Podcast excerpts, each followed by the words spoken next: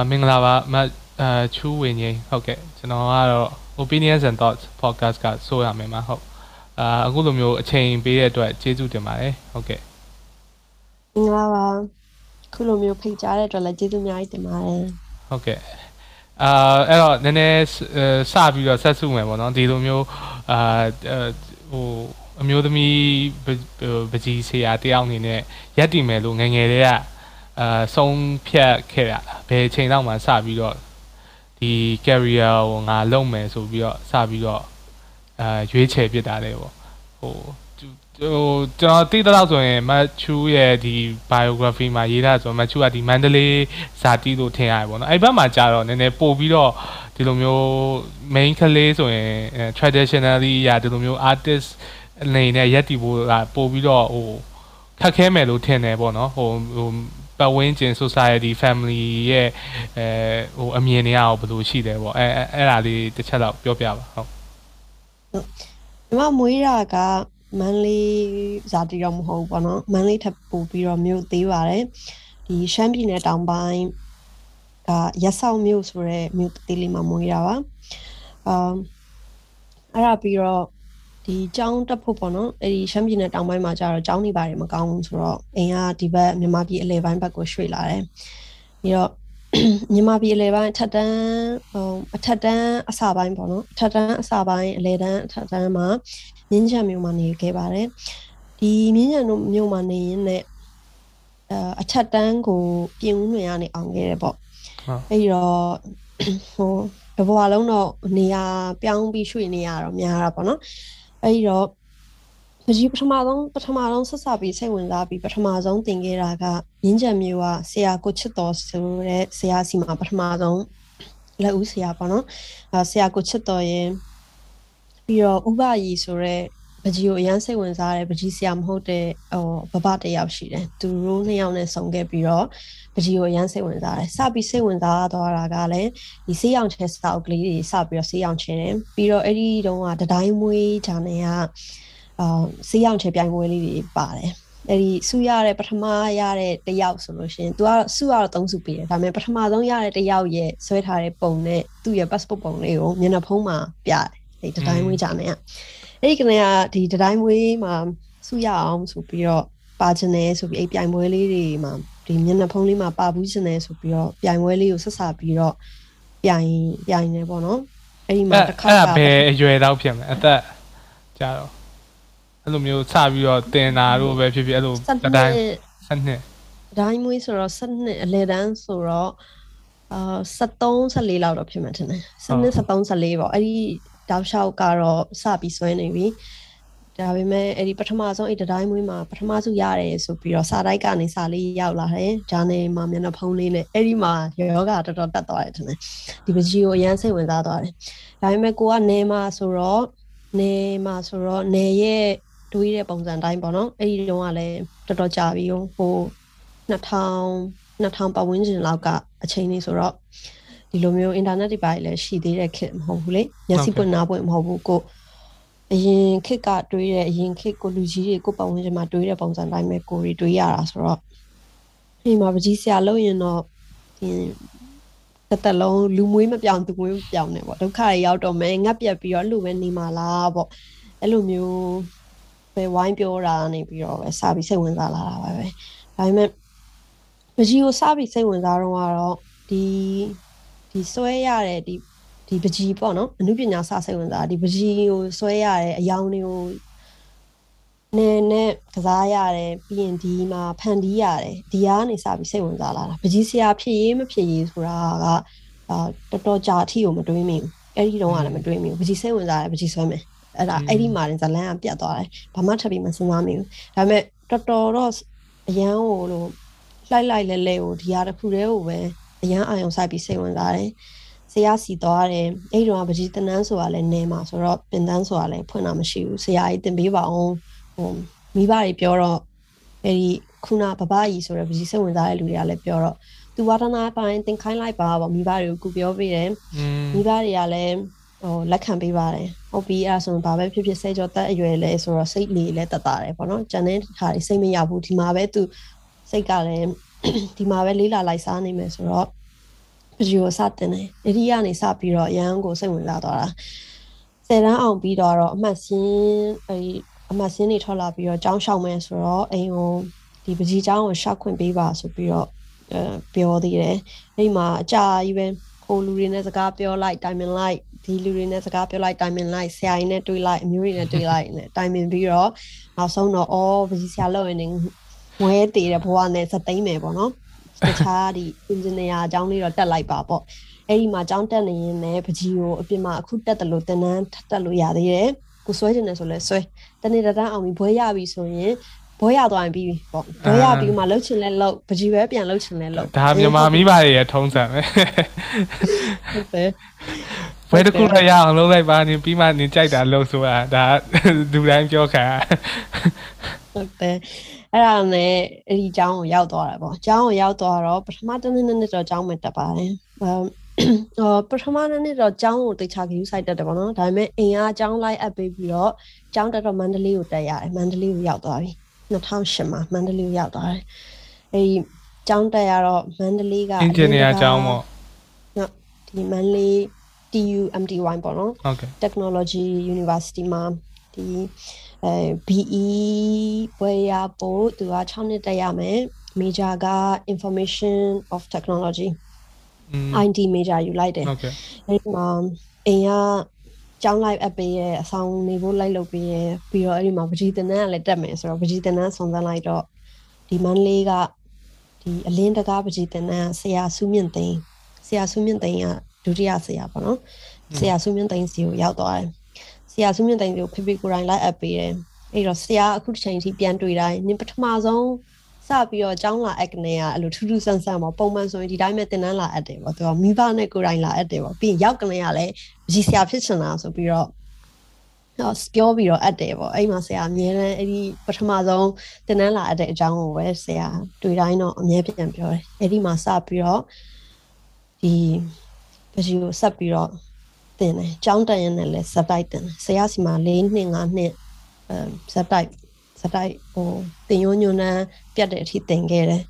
ဆရာကအရင်ကပကြီးအနုပညာကျောင်းမှာပန်ထရာကျောင်းမှာမန္တလေးပန်ထရာကျောင်းမှာ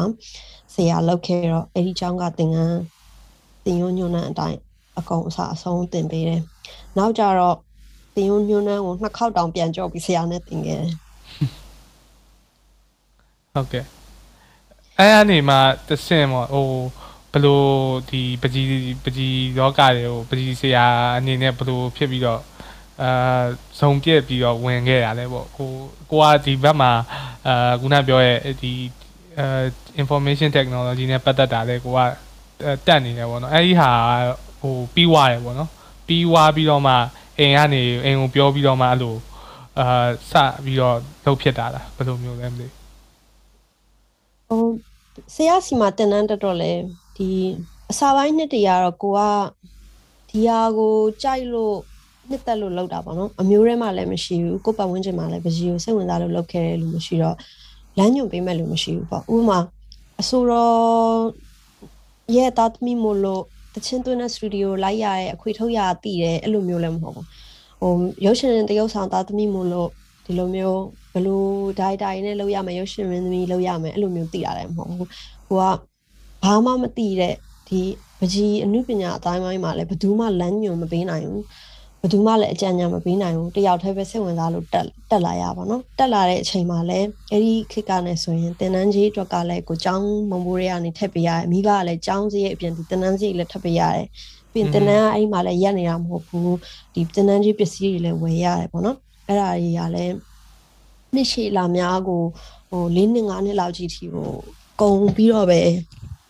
ဟိုဒီဟာကိုတကယ်ကိုကုံတယ်ဆိုတဲ့အကြောင်းကိုပြောရတာလဲဒီတင်နန်းကိုရက်ပစ်လိုက်အောင်ကို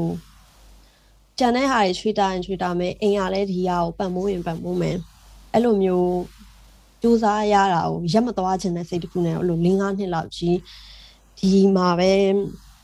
ဖန်တီးခဲ့တယ်တင်ယူခဲ့တယ်ပေါ့နော်တင်ယူပြီးတော့ဘာလုပ်မှလဲဆိုတော့အချေအောင်ကအဲ့ဒီမှာလုံးဝမတွေးမိဘူးပကြီးဆရာဖြစ်ချင်တာပဲတည်တယ်ဒါပေမဲ့ပကြီးနဲ့အသက်မွေးဝမ်းကြောင်းပြုလို့ရတဲ့လူဖြစ်မယ်လို့စိတ်မကူးခဲ့ဘူး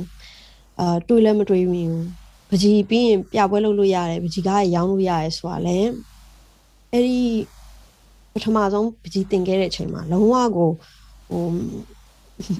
စိတ်ထဲမှာတွေးကိုမတွေးမိလိုက်တာအဲ့လိုမျိုး အသက်မွေးလို့ရတယ်ဆိုတာပေါ့နော်ဟုတ်ဖြစ်ချင်တော့တစ်ခေါက်ကဒီအုပ်စုပကြီးပြပွဲလေးလုပ်တယ်လူငယ်လေးတွေကြီးစုပြီးတော့ဒီပကြီးကျောင်းကဆင်းတဲ့ပကြီးကျောင်းကပထမတန်းပထမနှစ်ကျောင်းသူကျောင်းသားတွေဒုတိယနှစ်ကျောင်းသူကျောင်းသားတွေပေါ့နော်သူတို့လဲပါတယ်တစ်ခေါက်မှသူတို့ကချူးနေပါရင်ပါပါလားပေါ့အဲဒီတော့အဲ့ဒီမှာအရန်ပျော်သွားတယ်ဟဲပြပွဲဆိုတာလောက်တာလားပေါ့မကြောက်ဘူး ပြင်ကိုကပကြီးဝါဒနာပါတော့ဒီကိုအကြောင်းအပြင်ကျန်တဲ့အဲ့ဒီဒီပကြီးကျောင်းတွေတက္ကသိုလ်တွေဆိုလဲတွားပြီးတော့ကိုကအဲ့လိုဆရာကြီးနဲ့တွေ့တဲ့စကားပြောတယ်ကျောင်းသူကျောင်းသားတွေနဲ့လည်းခင်နေပေါ့နော်အဲ့အများရန်တွားနေတော့ခင်အောင်လဲကိုကပေါင်းတင်တယ်ကိုဝါဒနာပါတဲ့ဝါဒနာတူချင်းဆိုတော့အဲ့ဒီမှာသူတို့ကဖိတ်တော့ဟုတ်ပြီအဲပွဲလေးလုပ်မယ်ဆိုလို့ရှင်တော့ပါမယ်ပေါ့သူတို့ကတော့ဒီပကြီးအတိုင်းဝိုင်းနေရဆိုတော့ပကြီးပြပွဲလုပ်ပြီးအစကနေကကျောင်းသူ ကျောင်းသားဘဝကနေက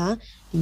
ကျောင်းမှာလို့အုပ်စုပြပွဲလေးတွေပြပွဲတွေလုပ်ပြီးပြပွဲလေးတွေလုပ်တယ်ပေါ့အဲ့ဒီမှာမှတော်တော်ကြီးပကြီးတင်ပြီးတော့တော်တော်ကြီးကြာပြီ course တွေလည်းတော်တော်ကြီးပြတ်ပြီးခြေကနေလည်းတော်တော်နိုင်ပြီဆိုတဲ့အချိန်မှာမှဒီသူတို့ပိုင်ပါပါဆိုပြီးတော့တစ်ခေါက်မှပြပွဲလေးလုပ်လိုက်တယ်အဲ့ဒီပြပွဲလေးမှာပထမဆုံးပကြီးကားလေးကိုစပြီးတော့ရောင်းရတာမှတ်မိသေးတယ်လိုက်ကလေးရဲ့ကျင်းဖင်နိုင်ကုန်လေးရဲ့အစိမ်းရောင်လေး အဲ့ဒီကပထမဆုံးပကြီးကားလေးကို3000နဲ့အမသိရောင်းရတယ်อืมအဲ့ဒီမှာအော်ပေါ့ပကြီးဆရာလုပ်ရင်ပြပွဲလုပ်ပြီးရင်အဲ့လိုပဲရောင်းပြီးတော့ဝင်တဲ့လူလည်းရှိတာပဲလားဆိုတာအဲ့ဒီမှာပထမဆုံးနားလည်သွားတယ်လုံးဝအဲ့ဒီမတိုင်ခင်ရောင်းလိုက်ရတယ်ဆိုတဲ့အချိန်ထိလေဒီပကြီးမှာဒီလိုကိုယ်ပတ်ဝန်းကျင်မှာလည်းမကြဘူးကိုလာတဲ့နေမျိုးမှာလည်းမကြဘူးဆရာကြီးစီမှာဆိုလို့ရှိရင်လည်းကိုကဆရာစီမှာနေတော့ကဆရာမှာတင်ခဲ့ရတယ်ဆိုရင် ဒီကြော်ညာပိုစတာတွေရေးတယ်အဲ့ခေတ်ကဘနိုင်ခင်မဟုတ်တော့ဆရာကိုကြော်ညာပိုစတာတွေကိုရေးပေးတယ်ဆိုင်းဘုတ်တွေကိုရေးပေးတယ်အဲဆရာအခြေခံတွေတော့တည်ပြီးပြီဒါပေမဲ့နေမှာဆိုတော့ပကြီးဆရာဆိုင်းဘုတ်ရေးတဲ့ဒီရုပ်ရှင်ပိုစတာတွေရေးတယ်ပေါ့နော်အဲ့ဒီတော့အော်ဒီလိုအလုံးအပ်ရင်တော့ဆိုင်းဘုတ်ရေးရင်တော့ပကြီးဆရာပဲပေါ့ဒီပိုစတာတွေဆွဲရင်တော့ပကြီးဆရာပဲပေါ့အဲ့လိုပဲနားလည်ခဲ့ပြီးမှဒီမှာကိုဆွဲချင်တဲ့ပကြီးကကိုဆွဲပြီးရောင်းရတဲ့ဟာကပကြီးဆရာအနေနဲ့လည်းရက်တီလို့ရတာပဲဆိုတာကိုအဲ့ပထမဆုံးပြပွဲမှာမှနားလည်သွားခဲ့တာ ဟုတ်ကဲ့အဲ့အနေစပြီးတော့ပဲကိုကတဖြည်းဖြည်းနဲ့ဒီအဲဒီ artist အနေနဲ့ရက်တီဖို့ဖြစ်လာတာပေါ့နော်อืมအဲ့ဒီထီလေ artist အနေနဲ့ရက်တီဖို့တော့စိတ်မကူးမိသေးဘူး။ဘာဖြစ်လို့လဲဆိုကိုကဒီကကိုယ့်ရဲ့ပထမဆုံးအမှတ်တရအနေနဲ့အတွေ့အကြုံတစ်ခုအနေနဲ့ပဲဟောဖြစ်ခဲ့တာပေါ့နော်။ um ပကြီးလောကတွေကိုဒီအသက်မွေးဝမ်းကြောင်းအနေနဲ့ရောက်လာတာကတော်တော်ကြာပါတယ်။အဲ့ဒီမှာအဲ့ဒီတုန်းက ပထမဆုံးရောင်းရတဲ့ပကြီးက2009 2010လောက်ဖြစ်မယ်ဆိုရင်တကယ် professional အနေနဲ့ပကြီးလောကတွေကိုရောက်လာတာ2014 2015လောက်မှမှဖြစ်လိမ့်မယ်။ဘာလို့ဆိုဒီကြားထဲမှာအချိန်တွေအများကြီးဟာသွားသေးတယ်။အများကြီးပြောင်းလဲသွားသေးရပါတော့။ဒီလိုပြပွဲလေးနှစ်ခေါက်သုံးခေါက်လောက်လူငယ်ဘဝမှာအုပ်စုပွဲလေးတွေမှာပါခဲ့ပြီးတော့အာပါခဲ့ပြီးတော့တက်တူမှာပွဲရသွားတယ်ပေါ့။ပွဲရသွားတော့အိမ်ရောပြောလိုက်တယ်။ပွဲတော့ရသွားပြီပေါ့။ဒါပေမဲ့အဲ့ အဲ့ဒီအချိန်မှာအရန်ကိုစိတ်ကဒီပကြီးမှာပဲအရန်ကိုစိတ်ကပြင်းထန်နေရောနောက်ဆုံးပွဲမရခင်တနည်းအလိုမှာဒီဒီ BE ပေါ့နော်ဒီ engineer အကြောင်းကိုရက်လိုက်မယ်ဒီနောက်ဆုံးတစ်နှစ်ပဲမဟုတ်လေဘွဲရလဲလို့တော့မှာမဟုတ်ရက်လိုက်ပြီးတော့ပကြီးချောင်းပဲပြောင်းတက်လိုက်တော့မယ်ဆိုပြီးအိမ်နဲ့ညှိသေးတယ်အိမ်ကလည်းတစ်နှစ်ပဲကြာတော့ရအောင်တော့တက်လိုက်ပေါ့အဲ့ဒါနဲ့အဲ့လိုတိုင်ပင်ပြီးတော့ပဲဆရာမရနဲ့တိုင်ပင်ပြီးတော့တစ်နှစ်ကလို့တဘွားလုံးနဲ့ရှင်တော့ခဏလေးပဲပေါ့ပြီးအောင်တက်လိုက်ပါဆိုတော့ဘွဲရတော့ ဘွဲရတာနဲ့အဲ့ဒီတောက်လျှောက်ဒီရင်ကျေးမှုတက္ကသိုလ်တစ်နှစ်ဆက်သွားတက်တယ်အဲ့ဒီထိလဲကိုကဒီပကြီးကိုချစ်လို့ဟိုရန်စိတ်ကလိုလားလို့တင်ကျင်နေတယ်ထက်ခါထက်ခါပဲတင်ကျင်တာဒါဝဲဆွဲကျင်နေတယ်ဆိုတဲ့စိတ်ကလွဲပြီးရင်ဒီဒီဒါကိုအသက်မွေးဝမ်းကြောင်းအနေနဲ့ရက်တီလို့ရတာစိတ်ကမရှိသေးဘူးအဲ့ဒီမှာဒါကိုပဲတင်ကျင်နေတဲ့စိတ်ပဲရှိသေးတယ်အဲဒီကြောင်းပြီးသွားတဲ့အထိနောက်ဆုံးကြောင်းပြီးသွားတော့ဟုတ်ပြီပေါ့ဘွဲရလည်းနှစ်ဘွဲရသွားပြီ ဘီနဲ့လည်းတပွဲရသွားပြီပကြီးနဲ့ကလည်းတပွဲရသွားပြီအိမ်ကလည်းအကြောင်းထားတာတော်တော်ကြာနေပြီအဲ့ဒီချိန်မှာဘာဖြစ်လဲဆိုတော့မြန်မာပြည်ကိုဒီအဲဟိုဟိုတယ်လီတယ်လီနိုတို့ Oridu တို့ဖုန်းကုမ္ပဏီအသစ်တွေစပြီးရောက်လာတဲ့အချိန်2010လောက်ပေါ့ဟုတ်တယ်အဲ့ဒီဆက်စပြီးရောက်လာပြီဆိုတော့အဲ့လိုမျိုးလုပ်ငန်းအခွင့်အလမ်းတွေလည်းပွင့်တယ်ပေါ့ကိုရီ ID နဲ့ပွဲရတဲ့လူတွေလည်းတော်တော်များများအဲ့ဒီမှာအလုပ်တွေဝင်ကုန်ကြပြီဆိုတော့ အမ်ကိုယ့်ရဲ့အကြောင်းတော်ကတငယ်ချင်းတွေကဘွဲရပြီးတော့သူတို့ကအဲ့လိုအလုပ်တွေဆက်ဝင်ဆက်ဝင်နေတယ်ကိုကတော့ဟိုမှာပကြီးចောင်းသွားတက်တယ်ចောင်းပြီးသွားတော့လဲပကြီးပဲရပြီးသွားတော့လဲအလုံးလုံးမလားပေါ့အလုံးတရားလဲရှောင်းမလို့မယ်ဆိုရှောက်လို့ရနိုင်ပေါ့အဲ့ဒါနဲ့နောက်တော့အိမ်ကိုပြောလိုက်တယ်အလုံးလုံးမယ်ဆိုရင်တစ်သက်လုံးလုံးရမှာပေါ့နော်ဒီတော့ပကြီးဆရာအနေနဲ့စူးစမ်းကြည့်မယ်နှစ်နှစ်လောက်တော့အချိန်ပေးပါပကြီးဆရာအနေနဲ့မှရက်တီလို့မရအောင်စူးစမ်းကြည့်လို့မရအောင်ဆိုရင်တော့ ဒီအလုပ်ကုမ္ပဏီမှာဝန်ထမ်းဝင်လုပ်မယ်ပေါ့အလုပ်တွေဝင်ရှောက်မယ်ပေါ့အဲဒီတော့အိမ်ကအိမ်ကဆိုမဲ့အဓိကမမေပေါ့နော်မမေကိုပဲခွင်တောင်းပြီးတော့ပြောတော့ तू ကဟုတ်ပြီပေါ့အဲ့ဒါဆိုလဲစူးစမ်းကြည့်ပါဆိုပြီးတော့ဝင်ငွေလည်းမရှိအတွေ့အကြုံလည်းမရှိဘာမှမရှိဘူးအဲ့ဒီမှာနှစ်နှစ်လုံးကြီးအလိုကြီးပဲအာပြန်တွေးကြည့်လိုက်ရင်တော့အဲ့ဒီအချိန်မှာဖေဖေကတော့နည်းနည်းပေါ့စူကျင်တယ်ပြောကျင်တယ်ပေါ့ဟိုတငယ်ချင်းတွေဆိုအလုပ်တီလုပ်နေကြပြီကိုကအဲ့လိုမျိုးအလေလိုက်နေတဲ့ ပုံစံမျိုးဖြစ်နေအောင်နော်အလုပ်လုပ်ချင်တဲ့စိတ်မရှိတဲ့လူလိုပဲပေါ့အဲ့ဒါကြီးလည်းနည်းနည်းတော့တော်တော်တော့ဒဏ်ခံရအောင်ပေါ့ဒါပေမဲ့ဒဏ်ခံပြီးမှလည်းအဲ့ဒီအချိန်မှာကိုကဒီဟာကိုပဲစိတ်ဝင်စားနေတော့ဒီဟာတစ်ခုမှပြီးပြအောင်မလုပ်လိုက်ရင်တစ်သက်လုံးကတော့နောင်တတွေနဲ့ပဲမပြောမှမဟုတ်ဘူးဆိုတော့သိတယ်စိတ်ကတကယ်လေးအဲ့ဒီကိုလိုမျိုးအရာတစ်ခုတစ်ခုတစ်ခုကိုဆွဲလန်းနေ passion ပေါ့နော် passion ဆိုဒီခုခုပဲဆွဲလန်းပြီးချစ်မြတ်နိုးပြီးတော့ဒါကိုပဲလုပ်ချင်နေတဲ့စိတ်က ရှော့မရအောင်ဖြစ်နေอืมကိုယ့်ရဲ့တယောက်နဲ့တယောက်နဲ့တူလားမတူလားတော့မသိဘူးပေါ့နော်ဒီမှာအဲ့ဒီမှာစိတ်ကအရန်ရောက်နေတော့ကိုယ့်ကိုယ်ကိုမေးလိုက်တာတကယ်လို့အဲ့ဒီချိန်မှာတခုခုဒီဗဂျီမဆွဲရဘူးဒီပြပွဲတခုမလုပ်ရဘဲနဲ့ကျန်တဲ့အလုပ်တွေလုပ်ရမယ်ဆိုရင်တစ်သက်လုံးပြောနိုင်မှာမဟုတ်ဘူးပေါ့အဲ့တော့ဘာပဲဖြစ်ဖြစ်ဟုတ်ဟုတ်မဟုတ်ဟုတ်ဒီဖြစ်နိုင်သည်ဖြစ်စေမဖြစ်နိုင်သည်ဖြစ်စေဒီနှစ်နှစ်အတွင်းမှာတော့ကိုစူးစမ်းလို့ရတဲ့လောက်စူးစမ်းကြည့်လိုက်မယ်ကိုစိတ်ကူးထဲမှာမျှော်မှန်းထားတဲ့အဲ့ဒီပထမဆုံး တကူတော့ပြပွဲလုပ်ရမယ်ပေါ့နော်တကူတော့ပြပွဲလုပ်ပြီးသွားရင်ပြီးပြီပေါ့အဲဆိုဘဝအကျဉ်း납ပြီအဲပြီးရင်ကျန်တာတွေကကုမ္ပဏီဝန်ထမ်းဝင်လို့ရလဲကိစ္စမရှိဘူးပေါ့အဲ့လိုကိုရိုင်းပကြီးဆရာဆိုတော့လဲပြပွဲလုပ်ချင်တယ်ပြပွဲကိုလည်းကိုတယောက်တည်းဖြစ်တဲ့ပွဲလေးကိုအိမ်မက်ပေါ့နော်အိမ်မှာအိမ်မက်ကအဲ့တော့အဲ့ဒီအချိန်မှာတော့အိမ်မက်ကကြီးပေါ့ဟုတ်ကဲ့အဲ့ဒါနဲ့အဲ့ဒီနှစ်နှစ်လုံးအဲ့ဒီမှာပိတ်ပြီးတော့ပကြီးဆွဲရတယ်ပကြီးဆွဲတော့ ဆွဲတော့လေအမျိုးသမီးပုံနေဆွဲတယ်ပြီးရင်အဲ့လိုကော့ကော့ကန်ကားပေါ့လို့မျိုးအပေါ်ပိုင်းဗလာကျင်းတာတော့ shroud ဒီကားနေတာတော့ဟုတ်ကဲ့အဲ့ဒီ idea ရောဘယ်လေဘယ်ကနေစပြီးတော့ရတယ်ပေါ့ဒီလိုမျိုးအာအဲ့လိုဒီမျိုးသမီးပုံပဲဆွဲမယ်အဲပြီးရင်ဒီလိုမျိုးပေါ့ဟိုဒီ traditional ဝတ်ထားတာတော့ traditional ပုံပဲဒါပေမဲ့သူတို့ရဲ့ body posture တွေကအဲ့လိုမျိုးပေါ့နော်ဟိုခုနပြောဟိုဟို ကုန်းနေရရှိမယ်၊ကြွနေရရှိမယ်မျိုးစုံပေါ့နော်အဲ့လိုမျိုးတွေလုပ်မယ်ဆိုတာမျိုးဘယ်လိုအဲ idea ရရတယ်ပေါ့နော်ဟိုကျွန်တော်တွေ့ရတော့ဒီဒီဒီအဲ့ဒီပေါ်မှာဒီ website မှာဟို Matthew ရဲ့ website မှာတော့ရေးထားတာကိုကဒီ sexual harassment လို့တခုဖြစ်ပြီးတော့မှဒီလိုမျိုးဟို traditional ဒီပိတ်ဆို့ခံထားရတဲ့ဟာကိုပြန်ပြီးတော့ rebel လုပ်တဲ့ပုံစံမျိုးရေးထားတာတွေ့ရောအဲ့ဒီဟာလေးနည်းနည်းဟို share လို့ရရင်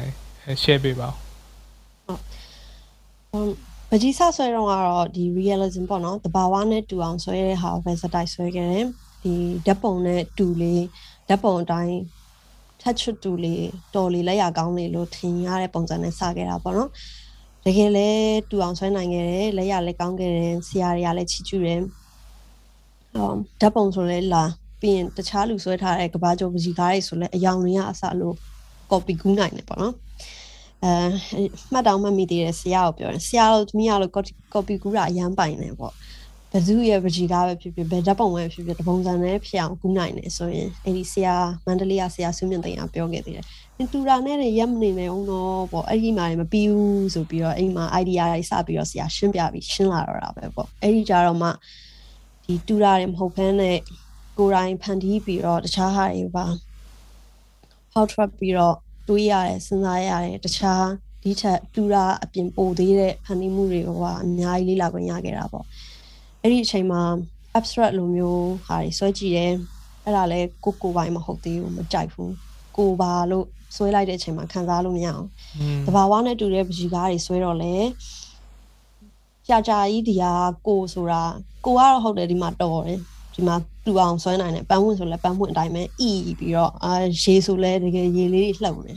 ဒါပေမဲ့အဲ့ဒီအရာကိုလည်းကိုလို့မခံစားနိုင်ဘူးနောက်ပိုင်းမှာဆွဲရင်းဆွဲရင်းနဲ့မှအဲ့ဒီကိုကြိုက်တဲ့ဒီပေါ့နော်ဟောဟန်ဆွဲတဲ့ပုံစံလေးတစ်မျိုးရလာတယ်အဲ့လိုဆွဲတဲ့ပုံစံလေးတစ်မျိုးရလာတဲ့အချိန်မှာအဲ့ဒီဒီဒီကိုကမန္တလေးမှာကျောင်းတက်တော့ချူရဲ့ဒီမလေးကဒီမြို့ကြီးဆိုတော့ နေရနေပြီးတော့လာလဲကျွန်တော်သူလာလဲတယ်ပေါ့နော်လာလဲတဲ့အခါမှာအဲ့လိုပဲဆိုင်ကယ်နဲ့မနှက်ဆာစားဖို့သွားတော့လမ်းမှာအဲ့လိုရင်ဘတ်ကိုကင်ပြီးတော့ဆိုင်ကယ်နဲ့မောင်းပြီးတော့ပြေးတယ်အဲ့လိုပစ္စည်းတွေလည်းအကုန်လုံးကြကုန်နေပင်သူ့လိုမျိုးလိုက်ဖမ်းပြီးတော့ဆိုင်ကယ်လေးတိုက်တယ်ဘေးကလူအုပ်တွေရတယ်လိုမျိုးဝိုင်းပြီးကူကြပါအောင်ကဲကြပါအောင်ပေါ့အဲ့လိုမျိုးတွေရုံးရင်ဆန်ခတ်တွေဖြစ်တယ်ရင်ဘတ်မှာလည်းအဲ့လိုချစ်ရည်နှစ်ကြောင်းနဲ့သွေးတွေနဲ့ဟို ညီမလေးအငယ်လေးရလဲသူ့အခဲလေးတွေလိုမျိုးလေးသူကလည်းအန်ဒလိုလေးတွေဖြစ်သေးတယ်မျိုးစုံပါပဲအဲဖြစ်ချင်တော့သူကိုပထမဆုံးဆက်ဆက်ပြီးတော့ရခိုင်းလိုက်တဲ့နေရာပေါ့နော်ဖမ်းမိလိုက်တဲ့နေရာပဲဆိုပါတော့အဲ့ဒီမှာ light truck တစ်စီးနဲ့အလုတ်သွားတော့မဲ့ကားလည်းတစ်စီးပေါ့နော်သူကလည်းမနှက်ခင်းဖြစ်တာကို9နာရီခွဲလောက်ကြီးဆိုတော့ဘယ်သူမှလည်းအဲ့ချိန်ဖြစ်မယ်လို့မထင်ထားဘူးလေပုံမှန်ဆိုရင်ညမှောင်ကြီးပြိုးလို့ပါလို့လောက်ပဲ လိုမျိုးခံရတယ်ဆိုပွဲတော်တို့ညအမောင်းတို့ပဲဖြစ်ကြတာဟုတ်အဲ့တော့အလုတ်ထွက်မဲ့အချိန်မှာအဲ့ဒီဒီ light truck တစ်စီးတွေကအဲ့ဒီလူတွေသူတို့ကူပြီးတော့မှဟန်ပြီးပြီးတော့မှအဲ့ဒီအဖြစ်ပြတယ်ပေါ့နော်အဲ့လိုမျိုးဖြစ်သွားပြီးတော့အဲ့ဒီမှာဖြစ်သွားပြီးတော့စပြီးစဉ်းစားမိတာဒီအပြင်သွားလည်းမလုံးကြုံဘူးကိုသွားလည်းမလုံးကြုံဒီသွားလည်းမလုံးကြုံဘူးပေါ့ကိုကအဲ့လိုပြန်ပြီးစဉ်းစားလိုက်ပြီးတော့ဒီကကို့ပေါ်မှာဖြစ်တာ၃ကောက်မြောက်ပေါ့ ဒါပေမဲ့ဒီတစ်ခေါက်မှာပဲကိုကဟိုဘယ်လိုပြောမလဲပြန်လုပ်ဖို့ပြန်ပြီးတော့ဖမ်းဖို့ပြန်ပြီးတော့တုံ့ပြန်ဖို့ဟိုအချိန်ရခဲ့လိုက်တယ်။ကျန်တာတွေကမောင်လို့ထွက်ပြေးသွားတာလို့လက်ကြည့်လိုက်မရှိတော့တာတော့အဲ့လိုမျိုးတွေလည်းများတယ်။ပြီးရင်ကိုကအဲ့ဒီအဖြစ်ပြဖြစ်ပြီးသွားတော့ကျောင်းကိုသွားတော့သုံးသုံးကောင်းမြောက်ဆိုတော့ရှင်းတစ်ခေါက်မှာအဲ့လိုပဲကိုဟိုအကင်ခံရတယ်ပဲပြောရမှာပေါ့နော်အဲ့လိုဟုတ်ဆိုတော့ဘယ်လိုခုနပြောရတာအဲ့လိုမှောင်တဲ့အချိန်တို့ဘာလို့ဆိုတော့ အဲ့ဒီပထမတစ်ခေါက်နှစ်ခေါက်မှာတော့ကြာတော့ဘယ်လိုမှကိုလက်တုံပြန်လို့မရခဲ့ဘူးပေါ့နော်ဟုတ်တယ်အဲ့လိုမျိုးဖျားပွဲတော်မှာပေါ့နော်ဖြစ်တယ်အဲ့လိုမျိုးအကန်ခံရရဆိုရင်လက်ထီလိုက်တော့ဘေးမှမရှိတော့ဘူးပေါ့အဲ့ဒီနဲ့တိတ်ပြီးတော့မကွာတဲ့အချိန်မှာညအဲ့ဒီတုန်းကစာအုပ်ငားတဲ့ခေတ်ကိုစာအုပ်တောင်းငားတော့စာအုပ်ဆိုင်သွားတော့ဒီမန်းလေးမှာပဲအဲ့လိုပဲဆိုင်ကယ်တစ်စီးနဲ့ပဲလာပြီးတော့အဲ့တုန်းကတော့ တယောက်တည်းကိုပဲဖြစ်တာအာပြီးရင်မောင်းပြေးသွားတယ်ပေါ့ကိုကလိုက်ပြင်မယ်လဲဘလို့မှမမီတော့ဘူးဒါပေမဲ့လိုက်တာတော့ဟုတ်ပါပြီပြီးရင်ဘာလုံးနိုင်မှာလဲပေါ့နော်အဲ့ဒါလည်းရှိသေးတယ်ညလည်းဖြစ်တယ်ဆိုတော့ um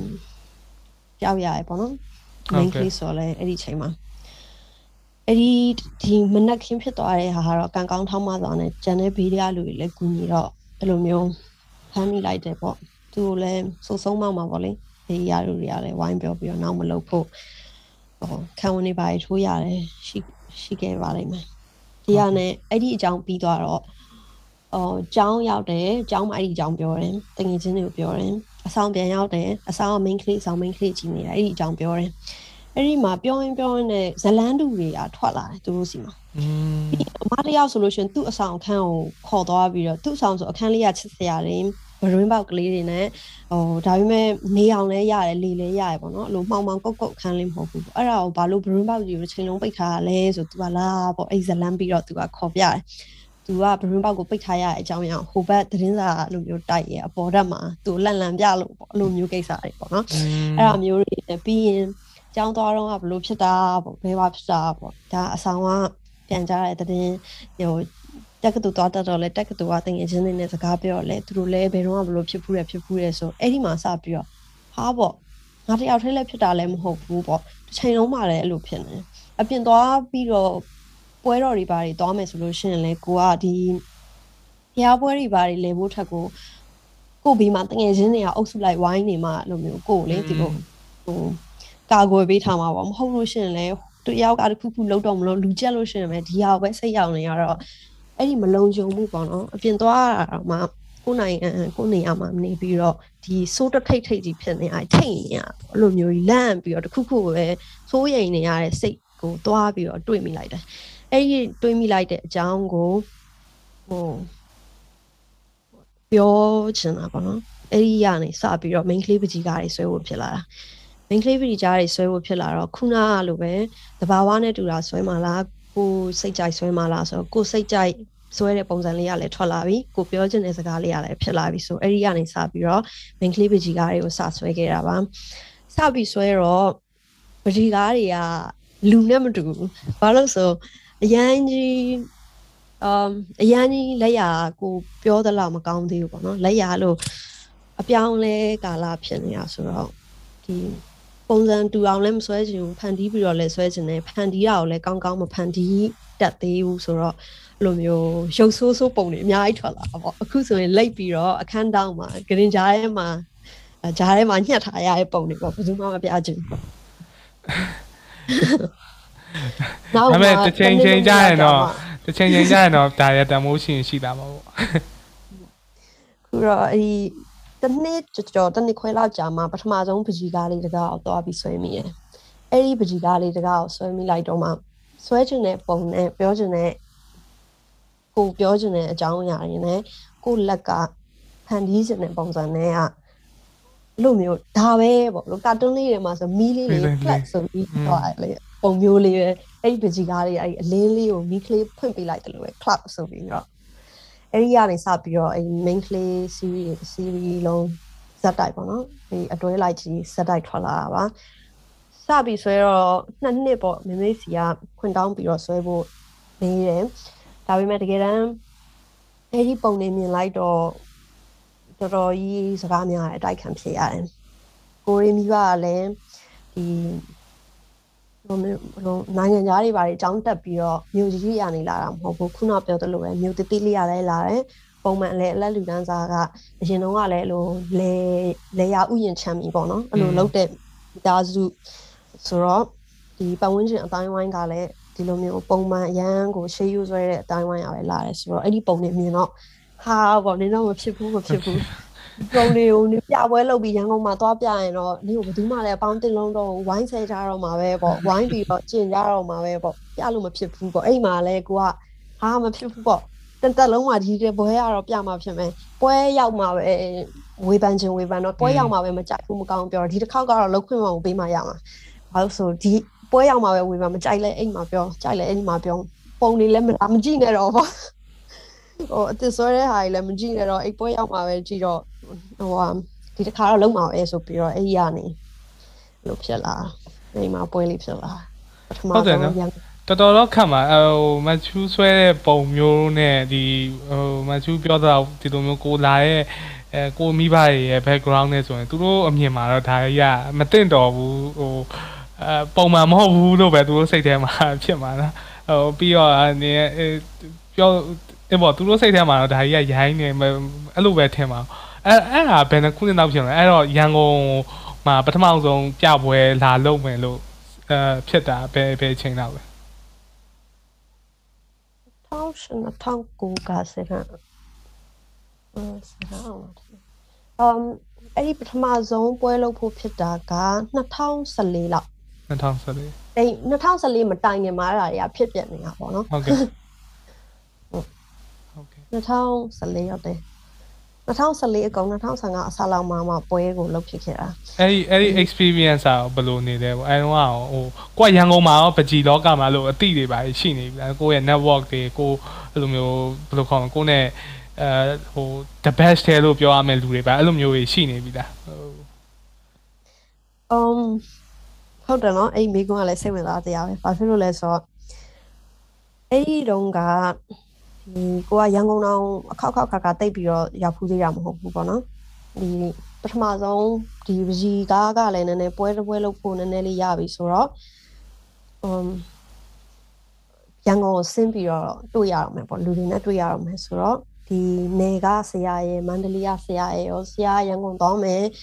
ရန်ကုန်မှာရှိတဲ့မိတ်ဆက်ပေးပါအောင်ပေါ့အတီးရှိရင်ဘယ်သူတွေကူညီနိုင်မလဲဆိုပြီးတော့အဲ့ဒီခေတ်ကဆရာဒါစာလေးတစ်စောင်ကြည့်ရေးပေးလိုက်တယ်ဘယ်သူစီမှာသွားတွေ့ပေါ့အဲ့ဒါနဲ့အဲ့စာလေး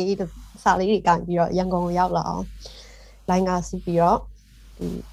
express ကားစီးပြီးတော့ရန်ကုန်ရောက်လာအောင်ရန်ကုန်ရောက်လာတော့အဲ့ဒီပုံကလေးတွေကို print လေးထုတ်သွားပြီးစာအုပ်လေးနဲ့ယူသွားတယ်အဲအဲ့ဒီမှာ ပြကန်းပိုင်ရှင်တွေပေါ့ပကြီးဆရာဘယ်သူတွေ့တွေ့ပကြီးလောကရဲ့အဖြစ်ပြီးတော့အကုန်လုံးကိုလိုက်ပြပြီးတော့ဖြစ်နိုင်ရလားပွဲလုပ်မယ်ဆိုရင်ဘယ်မှာလောက်ရမလဲဒီရဆိုရင်ဖြစ်ရလားပြပွဲဖွင့်ပွဲရှိရဲဆိုလဲသွားတယ်ဆရာကြီးနဲ့လည်းမိတ်ဆက်တယ်အိမ်မှာဆရာကောင်းဟိုပကြီးလောကရဲ့ပကြီးပကြီးလောကရဲ့ပကြီးအကြောင်းဟောပကြီးအကြောင်းလေ့လာနေတဲ့ဒီရန်ကုန်ကအဲဆရာရဲ့တပည့်တယောက်ကိုမိတ်ဆက်ပေးလိုက်တယ် ပြီးတော့တခြားဆရာချင်းချင်းလည်းမိတ်ဆက်စာလေးတွေလိုရေးပြလိုက်တယ်ပေါ့နော်အဲ့ဒီစာကလေးတွေပဲလိုက်ပြီးတော့ပြပြီးတော့မိတ်ဆက်ရင်းနဲ့ဟိုလူကတဆင့်တဆင့်မိတ်ဆက်ပြီးတော့လို့ပြပွဲလေးတွေရှိရင်အဲဟိုပြပွဲလေးတွေရှင်သွားကြည့်ပေါ့အဲ့ဒီမှာဆိုရင်ပကြီးဆရာကြီးစုံမှာပဲအဲ့ဒီကျရင်တယောက်ယောက်နဲ့တော့ခင်သွားရင်ဟိုအကြံဉာဏ်တောင်းလို့ရတယ်ဆိုပြီးတော့အဲ့ဒီစာလေးတွေကင်ပြီးတော့မိတ်ဆက်ပြီးတော့ပွဲလေးတွေတော့ပကြီးဖုံပွဲလေးသွားပြီးဆရာကြီးနဲ့လိုက်ဆုံတာပဲစခဲ့တာပါ စားခဲ့တော့လည်းဘယ်သူပဲဖြစ်ဖြစ်လို့တခါလေးဟုတ်တယ်ပွဲရောက်တယ်ကြည့်တယ်ကြည့်ပြီးဆရာတွေကိုပဲအဲ့ဒီကိုဆွဲထားတဲ့ပကြီးကားကို print ထုတ်ထားတဲ့စာအုပ်လေးကိုပဲပြပြီးဆရာဘလို့လဲပကြီးဆရာဖြစ်နိုင်လားလက်ရကောင်းရင်လားဘလို့ထင်လဲပေါ့အဲ့မှာတော်တော်များများက85ရာခိုင်နှုန်းလောက်ကမကြိုက်ကြဘူးမကြိုက်ကြဘူးဆိုတော့အေးမစိုးပါဘူးပေါ့ဒါပေမဲ့အဲစိတ်မကောင်းဖြစ်သွားအောင်တော့မပြောဘူးဒါပေမဲ့အဲ့ဒီဟာကိုတော့ခံစားရတယ်အဲ့ ဒီဟိုအရင်မကြိုက်ဘူးပေါ့အဲ့လိုမျိုးဟိုဟာလေးပြောင်းလိုက်အောင်ဒီဟာလေးပြောင်းလိုက်အောင်ဟိုဟာဆိုတော့ပိုကောင်းသွားမယ်ဒီဟာဆိုတော့ပိုကောင်းသွားမယ်ပေါ့အဲ့လိုမျိုးလမ်းကြောင်းပြောင်းဖို့ကိုပို့ပြီးတော့အကြံဉာဏ်ပေးကြရပေါ့နော်ဘာလို့ဆိုအဲ့ဒီလက်ရှိအချိန်လုံးက main clip ကြီးစရာလည်းဖြစ်တဲ့အပြင်ကိုဒီလိုမျိုးလို့ဘာဝနဲ့လည်းတူတာမျိုးမဟုတ်ဘဲနဲ့အရင်ကြီးလိုမျိုးကြီးဟို new ပုံလည်းမဟုတ်ဘူးသူက main ကလေးရဲ့ဒီအဝတ်စားမပါတဲ့အလှအပကိုဖော်ပြထားတာလည်းမဟုတ်ဘူးအဲ့လိုမျိုးဟိုအပေါ်ပိုင်းလို့ချင်လဲလုပ်မယ်ဒီနည်းနည်းခတ်မာမာပုံစံပေါ့နော်အဲ့အဲ့ချိန်တည်းကအဲ့ဒီဒီဒီဟိုဒုံကြီးတွေပေါ်မှာဆွဲနေပြီပေါ့နော်အဲ့ချိန်တော့လုံးကြီးပေါ်မှာဟိုလင်းကြီးပေါ်မှာနှစ်ကားသုံးကားပဲဆွဲရသေးတယ်อืมအဲ့တော့ဆွဲနေပြီဒါပေမဲ့လုံးကြီးပေါ်မှာဆွဲတာကဒီပထမပြပွဲပြီးဒုတိယပြပွဲမှာမှာပို့ပြီးတော့အဲ့ဒီ ခန်းစားချက်ကပို့ပြီးတော့ပြင်းထန်ပြီးတော့စဆွဲလာတာအဲ့ဒီပထမဆုံးပြပွဲမလုပ်ခင်မှာတော့ဒီရိုင်းလုံးကြီးပေါ်ဆွဲတဲ့ဒီ main ကလေးကဖုံးနိုင်နေဆိုတဲ့ကိစ္စကိုရိုင်းရိုင်းအာယုံမဆိုင်မိသေးဘူးစတော့စနေတယ်နှစ်ကားသုံးကားတော့အဲ့ဒီပြပွဲမှာပါခဲ့တယ်ဒါပေမဲ့ကြံတဲ့ message တွေကပို့ပြီးတော့အားကောင်းပြီးတော့ဒီ main ကလေးလုံးကြီးပေါ်မှာဆွဲတဲ့ပကြီးကားလေးကသူကနှစ်ကားသုံးကားပဲဆိုတော့မြုပ်နေတာပေါ့နော်ပြပွဲမှာအဲ့လိုပဲဆရာကြီးနဲ့ light တွေ့ရင်းနဲ့မှ light တွေ့ပြီးတော့မှပဲအဲပြကန်းပိုင်ရှင်တယောက်စီကိုရောက်သွားတယ်။ဒါကန်းပိုင်ရှင်တယောက်စီကိုရောက်သွားတော့သူပြကန်းလေးကိုသွားလဲနေပုံလေးကိုပြတော့ဒီလိုဒီလိုပဲပေါ့ပွဲလောက်တော့မှရန်ကုန်မှာလာပြီးတော့လွန်ခဲ့တဲ့နှစ်နှစ်လောက်ကစုထားတဲ့ပတ်စံတွေအကုန်လုံးဒီပြပွဲမှာလို့ပေါ့အကုန်သုံးပြစ်တော့မှာပေါ့တစ်သက်လုံးကဒီတစ်ခေါက်တော့ပွဲဖြစ်မှာဖြစ်တော့မယ်ဆိုတော့သူကအဲ့ပြကန်းပိုင်ရှင်ပြောချူ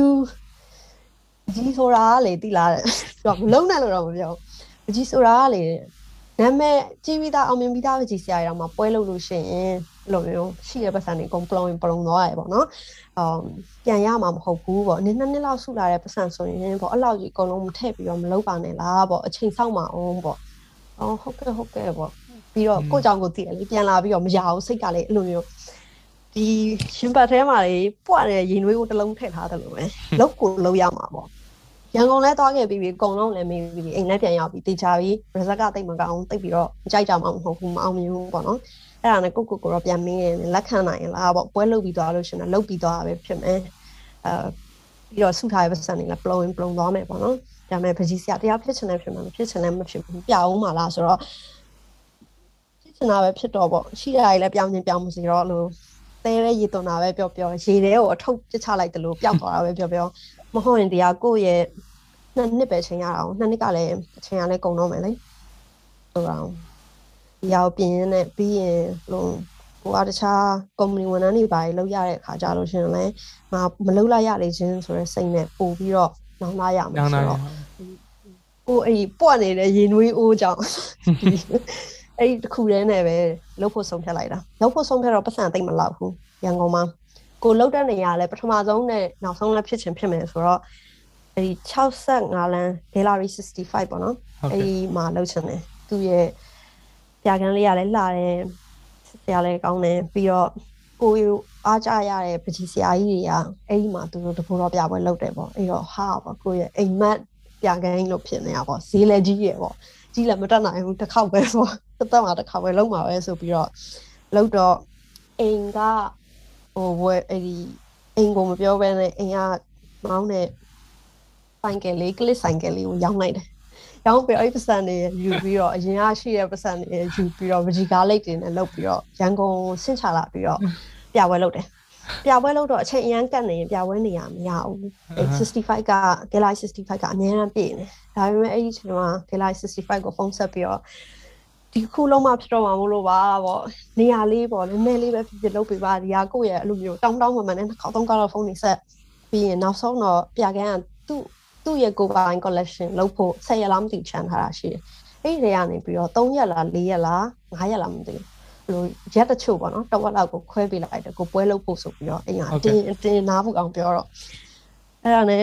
ဒါပေမဲ့ကိုကပကြီးလောကတွေကလည်းမဟုတ်ဘူးဘာမှလည်းမဟုတ်ဘူး သူလည်းမသိဘူးတစ်ခါမှလည်းပွဲလဲလုပ်ဘူးတော့မဟုတ်ရန်ကုန်တောင်ခုမှတစ်ခေါက်နှစ်ခေါက်ပဲရောက်ဖူးတာဆိုတော့ဘာဖြစ်ဖြစ်သူရဲ့ကူညီမှုကတော့အရန်ချေသူတင်နေပါတယ်ကိုရဲ့အဲ့ဒီဇောပေါ့နော်ဇောတစ်ခုတည်းပဲရှိတာအဲ့ဒီချိန်မှာအဲ့ဒါနဲ့အဲ့ဒီပတ်စံလေးယူလာပြီးပွဲလုပ်ရပွဲလုပ်တော့မေကိုတော့ပြောလိုက်တယ်ဒီလိုဒီလိုပဲပွဲတော့လုပ်လာပြီဖုန်ပွဲကိုလာခြင်းလာခဲ့ပါအောင်ဆိုပြီးတော့အဲ့ဒီမှာပထမဆုံးပြပွဲလေးဖြစ်သွားတာပါပဲဟုတ်ကဲ့အဲ အဲအဲ့ဒီအချိန်မှာကျတော့ကိုကပကြီးဟိုပါပဲပေါ့နော်ကျွန်တော်ကအဲနည်းနည်းဟိုပို့ပြီးဆက်စုကျင်တာကိုယ့်ရဲ့ဒီကိုစတာတို့ကို brand တို့ဟိုအခုခေတ်ပေါ့နော် marketing ပေါ့နော်အဲ့လိုမျိုးလုံးရမယ်တို့ဘယ်လိုလုပ်မလဲတို့ကိုအဲအဲအဲ့ဒါတွေရောကိုမှစဉ်းစားတာမျိုးရှိတာဒါမှမဟုတ်နောက်ပိုင်းကျမှ အဲစဉ်းစားဖြစ်တာမျိုးလားအဲ့ဒီအပိုင်းတွေရောဒါမှမဟုတ်အာ artist တယောက်အနေနဲ့ကြာဒီပိုင်းတွေမစဉ်းစားဘူးကိုကကိုငါလုပ်ချင်တာပဲလုပ်မယ်ဆိုပဲဘယ်လိုမျိုးလဲပေါ့အဲအဲဟုတ်အခုနဲ့အဲတော့အဲ့ဒါလေးနည်းနည်းတော့အာ share share ပေးပါဦးခုချိန်မှာဆိုရင်တော့ပူတိလာပေါ့နော်အဲ့ဒီချိန်နဲ့ဆင်အဲ့ဒီချိန်တော့ကတော့ပြောရရင်တော့လုံးဝဘာအတွေ့အကြုံမှမရှိဘူး market အကြောင်းလည်းနားမလည်ဘူးဈေးကွက်ကဘာလို့ချင်နေရဆိုတာလည်းမသိဘူးဘယ်သူတွေဘာဆွဲနေမှလည်းမသိဘူး market အကြောင်းမသိတဲ့အပြင်ကိုလိုဘဝတူတွေဘာတွေဆွဲနေရလဲမသိဘူးဘယ်လိုတွေရက်တင်နေရလဲလုံးဝမသိဘူးကိုစိတ်ထဲကဒီဟာတစ်ခုဆွဲချင်တယ်ဒီဟာတစ်ခုလုံးမယ်အဲ့ဒီဒီဟာကိုလုံးချင်တယ်ဆိုတော့စိတ်ကူးလေးတစ်ခုတည်းနဲ့ဟိုပဲဟိုလေဒီ မှန်ပြောင်းတစ်ခုပေါ့နော်မှန်ပြောင်းတော့ဘောလို့ပိုက်လုံးတစ်ခုတွေကနေကြည့်တယ်လို့ပဲလေကြံတဲ့ဘေးအောင်ဒီထိတ်ကဟာကွယ် tunnel vision ပေါ့အာပြပွဲဒီပြပွဲလေးလုံးမယ်ဆိုတော့ရည်ရွယ်ချက်လေးတစ်ခုပဲဖြစ်သွားတယ်အဲ့ဒီဟာပဲလုံးမိလိုက်တယ်လုတ်ပြီးသွားတဲ့ဟာမှကျန်တာတွေကဆက်ဖြစ်လာတာอืมလုတ်သွားတဲ့အခါကျတော့မှဒီအဲ့ဒီပြပွဲလေးကစိတ်ဝင်စားဖို့ကောင်းပါတယ်ဘာလို့လဲဆိုတော့ကြိုက်တဲ့လူရောမကြိုက်တဲ့လူရော အဲ့လို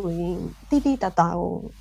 ပွဲထွက်လာတယ်ပေါ့နော်ဒီလက်ရအောင်လက်ခံနိုင်တဲ့လူရောမလက်ခံနိုင်တဲ့လူရောပြီးရင်ဒီပကြီးလောကတွေကအစကိုထစီနီယာပကြီးဆရာတွေမှာမှဟိုကြိုက်တာရောမကြိုက်တာရောဟိုတောက်လျှောက်ပွန့်ပွန့်လင်းလင်းအတိခဲ့ရဆုံးပြပွဲတစ်ခုပဲဘာလို့လဲဆိုကိုကလုံးဝကိုဒီပကြီးလောကရဲ့စီးပွားရေးအပြင်ဘက်ကလူပဲဒီပကြီးလောကဆိုအဲ့တော့အာနာဘုံမရှိဘူးကွာ อืม ဒီဆရာတယောက်အနေနဲ့အဲ့ဒီအချိန်တော့ဒီပြပွဲမှာဝေဖန်လိုက်ဖို့အားနာစရာမလိုဘူး။ဘာလို့ဆိုကိုယ့်နာမည်လည်းရင်ထဲကမကြဘူး။ကိုကဘယ်သူတစ်ပင်မှလည်းမသိဘူး။ဘယ်ရလာမှလည်းမသိဘူး။အဲ့တော့ပုံမှန်လင်းလင်းအပြောခဲ့ရဆုံးတော့ဟိုကြားခဲ့ရဆုံးတော့ပြပွဲလို့ထင်တယ်။အဲ့ဒါအရန်လဲဟိုထိထိရောက်ခဲ့တယ်။ကြိုက်တာရောမကြိုက်တာရောအကုန်လုံးပဲ။ပြီးတော့ကြံတဲ့နောက်ပိုင်းပွဲတွေမှာမှအော် तू ကဟိုမှာပွဲလုပ်ပြီးပြီး ဟိုနိုင်ငံသားမှာပွဲလုပ်ပြီးသူဟိုသူနဲ့လည်းပွားပွဲလုပ်ပြီးပြီဆိုတော့နည်းနည်းအော်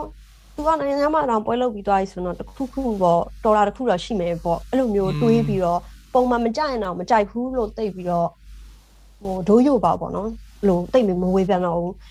အဲ့ဒါလည်းဟို ခါတလေတော့လည်းမကောင်းဘူးပေါ့နော်ဝေဖန်တာတွေများပြီးတော့သိရတာတွေများတော့ပို့ပြီးတော့ရင်ခုန်စိတ်လှုပ်ရှားစရာကောင်းတော့အဲ့ပထမဆုံးပွဲမှာတော့အများကြီးပဲတခါတလေလို့မျက်နှာချင်းစားရိုက်ဆိုင်ပြီးတော့တော့မှဟိုမမြင်ဘူးလေပဒီစရာဘူးဆိုတာလည်းမမြင်ဘူးတော့အဲ့လိုမျိုးကြားရတယ်ပေါ့အဲ့ဒီဟာကိုအရန်စိတ်လှုပ်ရှားတယ်ပြီးတော့ကိုပြပွဲလို့တော့လည်းအားလုံးကြိုက်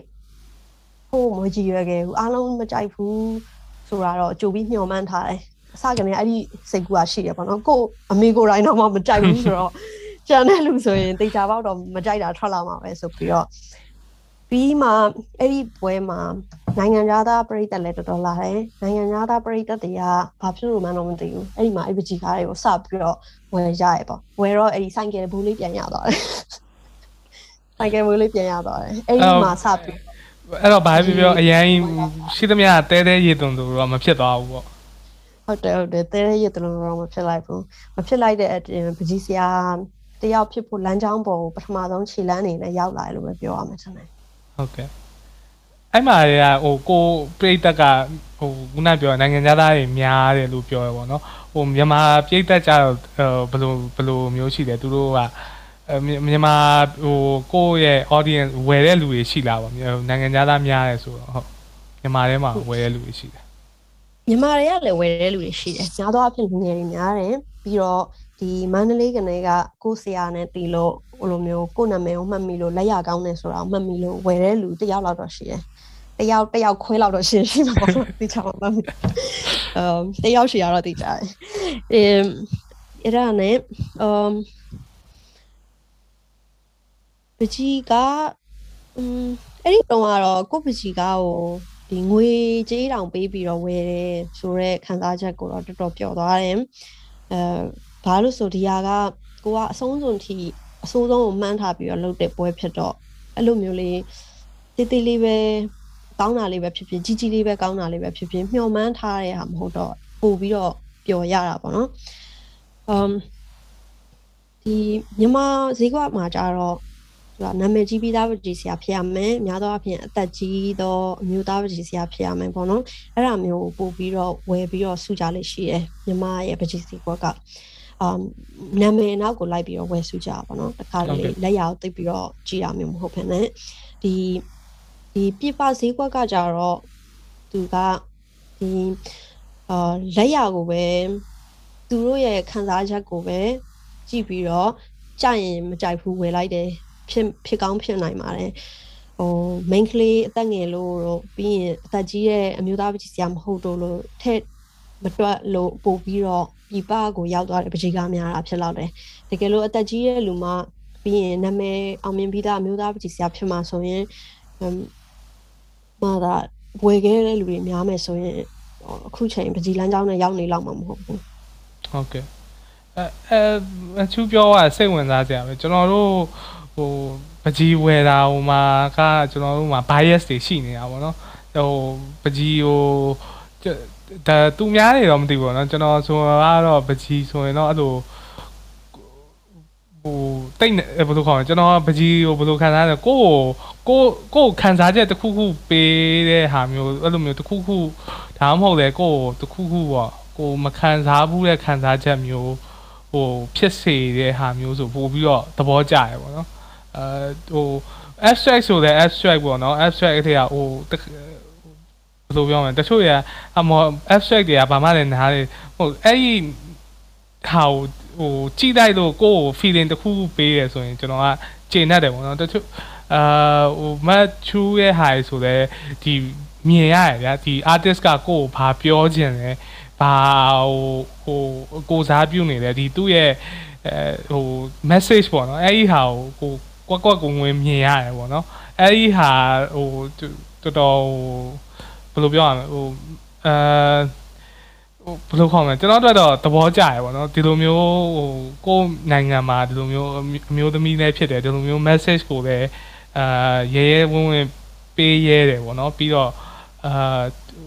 ခုနပြောရဆို bias ကို market ထဲမှာဟိုဒီ local ဘယ်လိုခေါ်မလဲကျွန်တော်မြန်မာနိုင်ငံရဲ့ပကြီး market ဟို bias ဖြစ်နေပြီးသားမှာဟိုကိုကဒီလိုမျိုး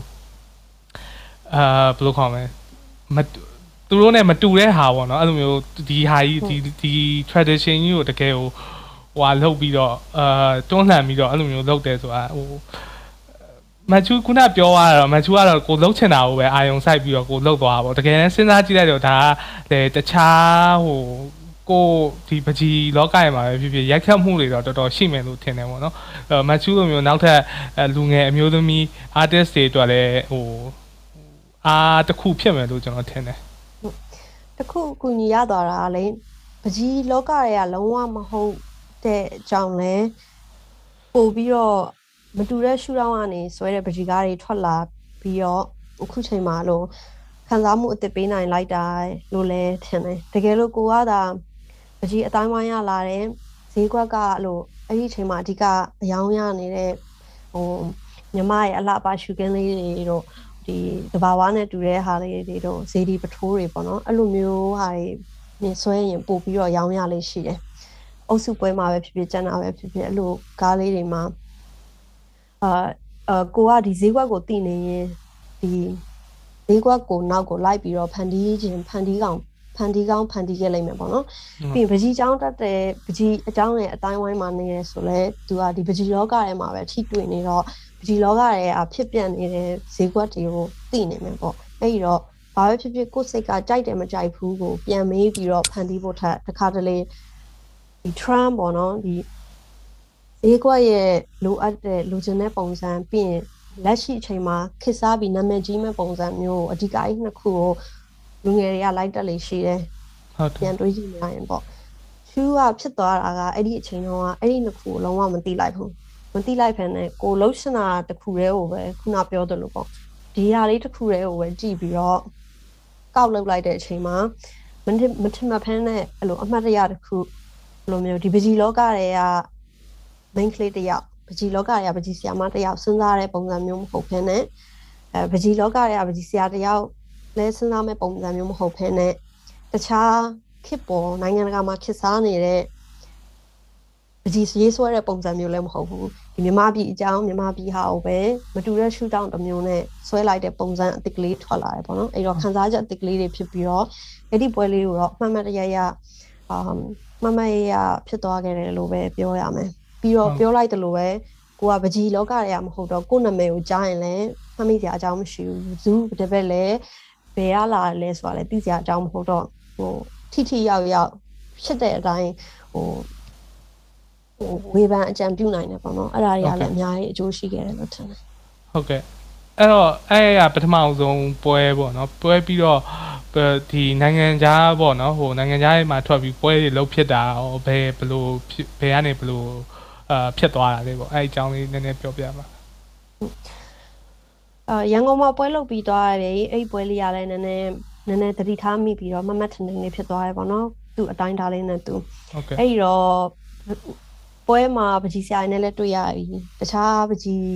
ရန်ကုန်ရောက်နေတော့တခြားပြကန်းတွေလည်းလိုက်ပြီးလေ့လာရတယ်ဆိုတော့ကိုပို့ပြီးတော့ကြိုက်တဲ့ကိုပို့ပြီးဖြစ်ချင်တဲ့ပကြီးဆရာတွေအများကြီးစုံရတွေ့ရတယ် အဲ့တော့ရန်ကုန်ကပကြီးဆရာတွေကအများကြီးကံကောင်းပါတယ်အခွင့်လဲ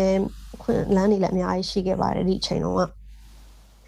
ဒီနိုင်ငံတကာလည်းမြန်မာပြည်ကိုအာရုံစိုက်နေတဲ့အချိန်တွေလည်းဖြစ်တယ်တချို့ကလည်းရန်ကုန်ကပဲရန်ကုန်ကပကြီးစရာတွေပဲတချို့ကလည်းနေရလာတယ်ရန်ကုန်မှာအခြေချတာတော်တော်ကြာပြီရန်ကုန်သူရန်ကုန်သားတစ်ပိုင်းဖြစ်သွားပြီပေါ့နော်အဲ့ဒီမှာအဲစူးစမ်းကြတယ်စူးစမ်းကြတော့နိုင်ငံတကာကနာမည်ပေါက်ပြီးသားနိုင်ငံတကာဝယ်ယူစုဆောင်းနေတဲ့လူတွေနိုင်ငံတကာအထောက်အပံ့နဲ့အဲ့လို ပကြီးမဟုတ်တဲ့တခြားအမှုပညာတွေရောဖန်တီးနေရတဲ့ပကြီးစရာတွေအများကြီးဖြစ်တယ်အဲ့ဒီတော့ကရှူကအဲနိုင်ငံခြားကိုလုံးဝခီးတိတ်ပြီးမသွားခဲ့ဘူးတစ်ခေါက်လေးပဲဘန်ကောက်ကိုရောက်ဖူးတယ်ပေါ့နော်အမ်အဲ့ဒီတော့နိုင်ငံသားဆိုတာကိုယ့်အတွက်တော့လို့အိမ်မက်ကြီးတစ်ခုလို့ပေါ့ဟာဆရာတွေကသွားတယ်ဆိုတော့အဲဆရာဆရာလိုမျိုးလို့ပွဲတွေသွားပြီးတော့နိုင်ငံသားသွားပြီးတော့ပြပွဲလို့ရဖြစ်ချင်လိုက်တာပေါ့ဟိုလိုဆိုလည်းဖြစ်ချင်တယ်ဒီလိုခုနိုင်ငံသွားရင်လည်းကိုကပြချင်တယ်ဆိုတော့ လူငယ်တယောက်ရဲ့အိမ်မက်ပေါ့နော်အခုမှပကြီးပြပွဲတော့ပဲလုပ်ရသေးတယ်အိမ်မက်ကစားပြီးကြီးနေပြီအဲ့တော့ねဆရာတွေကိုပြောတော့အော်ဟုတ်တယ်ပေါ့အဲ့ဆိုရင်အင်တာနက်ကနေပြောဒီလိုဒီလိုလေးတွေရှောက်လို့ရတယ်ရှောက်ကြည့်ပါလားပေါ့အဲ့ဒီအကြံပေးတော့အာရှောက်ကြည့်ရဲရှောက်ကြည့်တော့ဘယ်တော့မှပြန်စားမရတော့ရှောက်လို့များပေါ့နော်အဲဘယ်တော့မှပြန်စားမရအောင်အဲ့ဒါနဲ့ဟိုများတော့အဖြစ်တော့အဲ့ဒီဟို ဇောလေးပေါ့နော်ဇောလေးကပ်ပြီးတော့ဖြစ်ချင်တဲ့ဟာတစ်ခုတည်းကိုပဲလူမိုင်းမိုင်းလောက်တာနဲ့စလာတယ်ပေါ့လို့ပြောရမှာပဲဒီပကြီးပြတဲ့ idea နဲ့ပတ်သက်လိုက်အဲ့လိုပဲဒီပကြီးဆရာစဖြစ်လာလဲအဲ့လိုပဲနိုင်ငံသားတွေကိုထွပြီးပြဖို့ဖြစ်လာခဲ့ရလဲအဲ့လိုပဲအဲ့ဒီမှာပြန်စားတွေမရမရမရရှောက်တယ်မရမရပေါ့อืมပေါ့ငါဒီတသက်သူတို့သူများကူညီပြီးတော့သူများပုံမှာပွဲလုံးမှာရှောက်နေရမယ်ဆိုလို့ရှိရင်တသက်လုံးဖြစ်တော့မှာမဟုတ်ဘူးထင်တယ်ပေါ့ ကိုကအခုမှပဲအစပဲရှိတယ်ဆိုဘယ်သူမှယုံယုံကြည်ကြည်နဲ့ကိုကိုခေါ်မှာမဟုတ်ဘူးလားမသိဘူးသူတို့မခေါ်လိုက်ပါဖြစ်လဲကိုကကိုလုံးကြည့်မှာကွာကိုကကိုနိုင်သားတော်မယ်ကွာဆိုပြီးတော့အာခုနဆိုင်ကယ်ရောင်းပြီးတော့ပြပွဲလုပ်တဲ့ပတ်စံကပြပွဲပြီးတော့ပကြီးကားရောင်းရတော့ဆိုင်ကယ်ဘိုးပြန်ရတော့ဒါပေမဲ့အဲ့ဒီဆိုင်ကယ်ကိုပြန်မဝယ်ဘဲနဲ့အဲ့ဒီပတ်စံကိုနိုင်ငံသားသွားမယ်ဆိုပြီးတော့သုံးလိုက်တယ်အာအဲ့ဒီတော့အဲ့ဒီဗီဇာလျှောက်ပြီးတော့ ဟောဆ10ရက်လောက်မသိနိုင်ငံခြားကိုစပြီးတော့သွားမယ်ဆိုပြီးပြကန်းတွေကြည့်မယ်ပြတိုက်တွေကြည့်မယ်အိတ်ပစံတွေတုံးမယ်သူများကအစီအစဉ်နဲ့မခေါ်ဘူးမရောက်ဘူးဆိုရင်ကိုယ့်ပစံနဲ့ကိုသွားမယ်ဆိုပြီးတော့အဲ့ဒါနဲ့လေကိုယ့်အကိုဗီဇာလျှောက်ပြီးဗီဇာရပြီးတော့သွားသွားဘယ်ဘယ်သွားတော့သွားအင်ရအဲပထမဆုံးပြင်သစ်ကိုရောက်တယ်ပြင်သစ်ကိုလာတယ်ပြင်သစ်ကိုလာပြီးတော့မကြောက်ဘူးပြန်ပြန်ပြီးတော့မှအမေရိကကိုနယူးယောက်ကိုတစ်ခါပြန်ထွက်တယ်အဲဗီဇာလျှောက်ပြီးတော့အိမ်ကတော့စိတ်ပူတာပေါ့ သူနိုင်ငံရချောက်လည်းတယောက်တည်းတိတ်ပြီးတော့လည်းမသွားဘူးအဲ့တော့လည်းလီမခံချင်စိမ့်နဲ့ငါ့ကိုဘယ်သူမှမခေါ်ဘူးငါ့ကိုဘယ်သူမှမရွေးဘူးပေါ့ငါအပေကံပဲအဲ့တော့တခြားဆရာကြီးနဲ့နေမတော်သေးဘူးထင်တယ်ဆိုတော့အဲ့ဒီစိတ်နဲ့ပဲအဲ့ဒါဆိုရင်နေအောင်ကိုယ့်ဟာကိုရအောင်လုပ်မယ်ဆိုပြီးတော့ရှိရပစံနေအကုန်လုံးလင်းလက်မှတ်ဖုံးပါတယ်တုံးပစ်လိုက်တယ်ခီးသွားတယ်လို့တထေးသွားသွားတာမဟုတ်ဘူး ဒီလိုမျိုးနေရင်လဲချွချွတတာနဲ့အဲ့လို hostel လေးတွေမှာနေတယ်တညအောင်20တို့30တို့ပြီးရင်စားရင်လဲခီးသွားတာအဲ့လောက်မကုန်ပါဘူးလင်းလက်မှတ်ဖိုးရပဲစီကြီးอ่ะဆိုတော့လေ um um အဲ့ဒီအဲ့ဒီမှာပို့ပြီးတော့ပြကန်းတွေပြတိုက်တွေလဲပြီးတော့နော်ပြပွဲလုပ်တဲ့အဆင့်တော့မရောက်သေးပါဘူးလဲပြီးတော့မှအတွေ့အကြုံတွေရလာတယ်နောက်ထပ်ထပ်ထွက်တယ်ပြီးတော့အတွေ့အကြုံတွေရလာတယ်အဲ့ဒီမှာအဲ့ဒီမှာမှ မြန်မာပြည်ပြန်တယ်ပေါ့နော်ရှိရရေကုန်ပြောင်းသွားမြန်မာပြည်ပြန်တယ်ပြန်ပြီးတော့အာဘာပဲဖြစ်ဖြစ်အိမ်ကတော့အဲ့ဒီအချိန်မှာ um ဒီလုံးရင်လည်းလုံးဆိုပြီးတော့လက်ခံပေးတဲ့အခြေအနေတော့ရောက်သွားပါတယ်ပြီးတော့တခြားပြပွဲတွေလုပ်ဖို့လည်းပြန်ပြီးတော့ခွန်အားတွေရလာတယ်ပြီးရင်နိုင်ငံတကာကိုသွားလိုက်တဲ့ကစာဖတ်တယ်လို့မျိုးသူကလည်းစာဖတ်တယ်လို့မျိုးပဲဒါပေမဲ့စာဖတ်တာကတော့ကိုယ်အုံနောက်ထဲမှာတွေးတောရတယ်ပေါ့ ဒါပေမဲ့တကယ်တမ်းကိုသွားကြည့်ပြီးလိုက်တော့ပို့ပြီးတော့မျက်စိပွင့်နာပွင့်ဖြစ်ပြီးတော့ဘာတွေဆက်လုပ်ရမလဲဆိုပို့သိသွားတယ်အဲ့အနေတစင်ဘယ်ဘယ်မှာပထမဆုံးဘယ်နိုင်ငံမှာပထမဆုံးကိုပြပွဲလုပ်ဖြစ်တာอืมနိုင်ငံကြားမှာပြပွဲလုပ်ဖို့တော့အချိန်နည်းနည်းယူလိုက်ရသေးတယ်။နည်းနည်းကြားထဲမှာလို့နှစ်ပိုင်းနှစ်ပိုင်းခြားလေးကြာသေးတယ်။ဒါပေမဲ့ဒီမြန်မာပြည်ပြန်ရောက်တော့ဒီပထမရဲ့ပြပွဲအချိန်နဲ့ရော ဒီနိုင်ငံတကာကိုသွားပြီးတော့လေးလာခဲ့တဲ့အချိန်နဲ့ရောပကြီးကားတွေထပ်ဆက်ဆွဲတယ်။ဆွဲပြီးတော့ဒီပကြီးပြပွဲလေးတွေထပ်လုပ်တယ်။အဲ့ဒီအချိန်မှာဒီရန်ကုန်ကတချို့ပကြီးပြကန်းတွေကပထမဆုံးပွဲတော်ကဖိတ်စာလေးတွေတွေ့ပြီးလက်ရတွေကိုကြိုက်ပြီးတော့သူတို့နဲ့သူတို့ပြကန်းမှာလာပြဖို့ဖိတ်တယ်ပေါ့နော်အဲ့ဒါတွေရတော့အော်အရန်ဝမ်းသာသွားတယ်အဲ့ဒီကနေစပြီးတော့သူတို့ပြကန်းမှာပကြီးကားလေးတွေတင်တယ်အဲ့ဒီဒီဖိတ်စာလေးပေါ့ပြဝဲကတ်တလောက်လေးတွေကို ဟိုလိုက်ပေးရင်းနဲ့ပဲအဲ့ဒီကနေတစင်သူတို့လက်ရကြိုက်တော့ဖိတ်ပြီးတော့သူတို့ပြပွဲအဲ့ဒီပြကန်းကမှာပကြီးတင်ပြီးပြရတယ်ပကြီးဆရာတယောက်ဖြစ်လာတာပေါ့အဲ့ဒီမှာမှဒီသူတို့ဒီပြည်တွင်းမှာစမ်းပြီးတော့ပြောင်းကြည့်မှာပေါ့လေပြကြည့်မှာပေါ့ဒီမှာစိတ်ဝင်စားသွားပြီဆိုမှနောက်တစ်ဆင့်မှ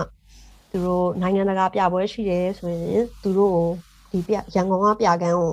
ဒီပြပွဲရှိတယ်ဒီမြန်မာပြည်ကပကြီးဆရာ9ယောက်တော့ဖိတ်ချင်တယ်ပကြီးတွေကို ဟို recommend လုပ်တယ်ပေါ့ဟိုဘယ်သူတွေကိုနည်းနည်း recommend လုပ်မလဲဆိုရင်အဲ့ဒီမှာစပြီးတော့ဟိုချူးနာမည်လေးကိုသူတို့ထည့်ကြည့်တယ်ထည့်ကြည့်ရောလဲဒီဘက်ပြင်သစ်ပြပြကန်းကရွေးတယ်ပထမဆုံးဟိုနိုင်ငံတကာမှာပြဘူးတာပြင်သစ်မှာပထမဆုံးပြရတာထင်တယ်အဲ့ဒီတော့ကကို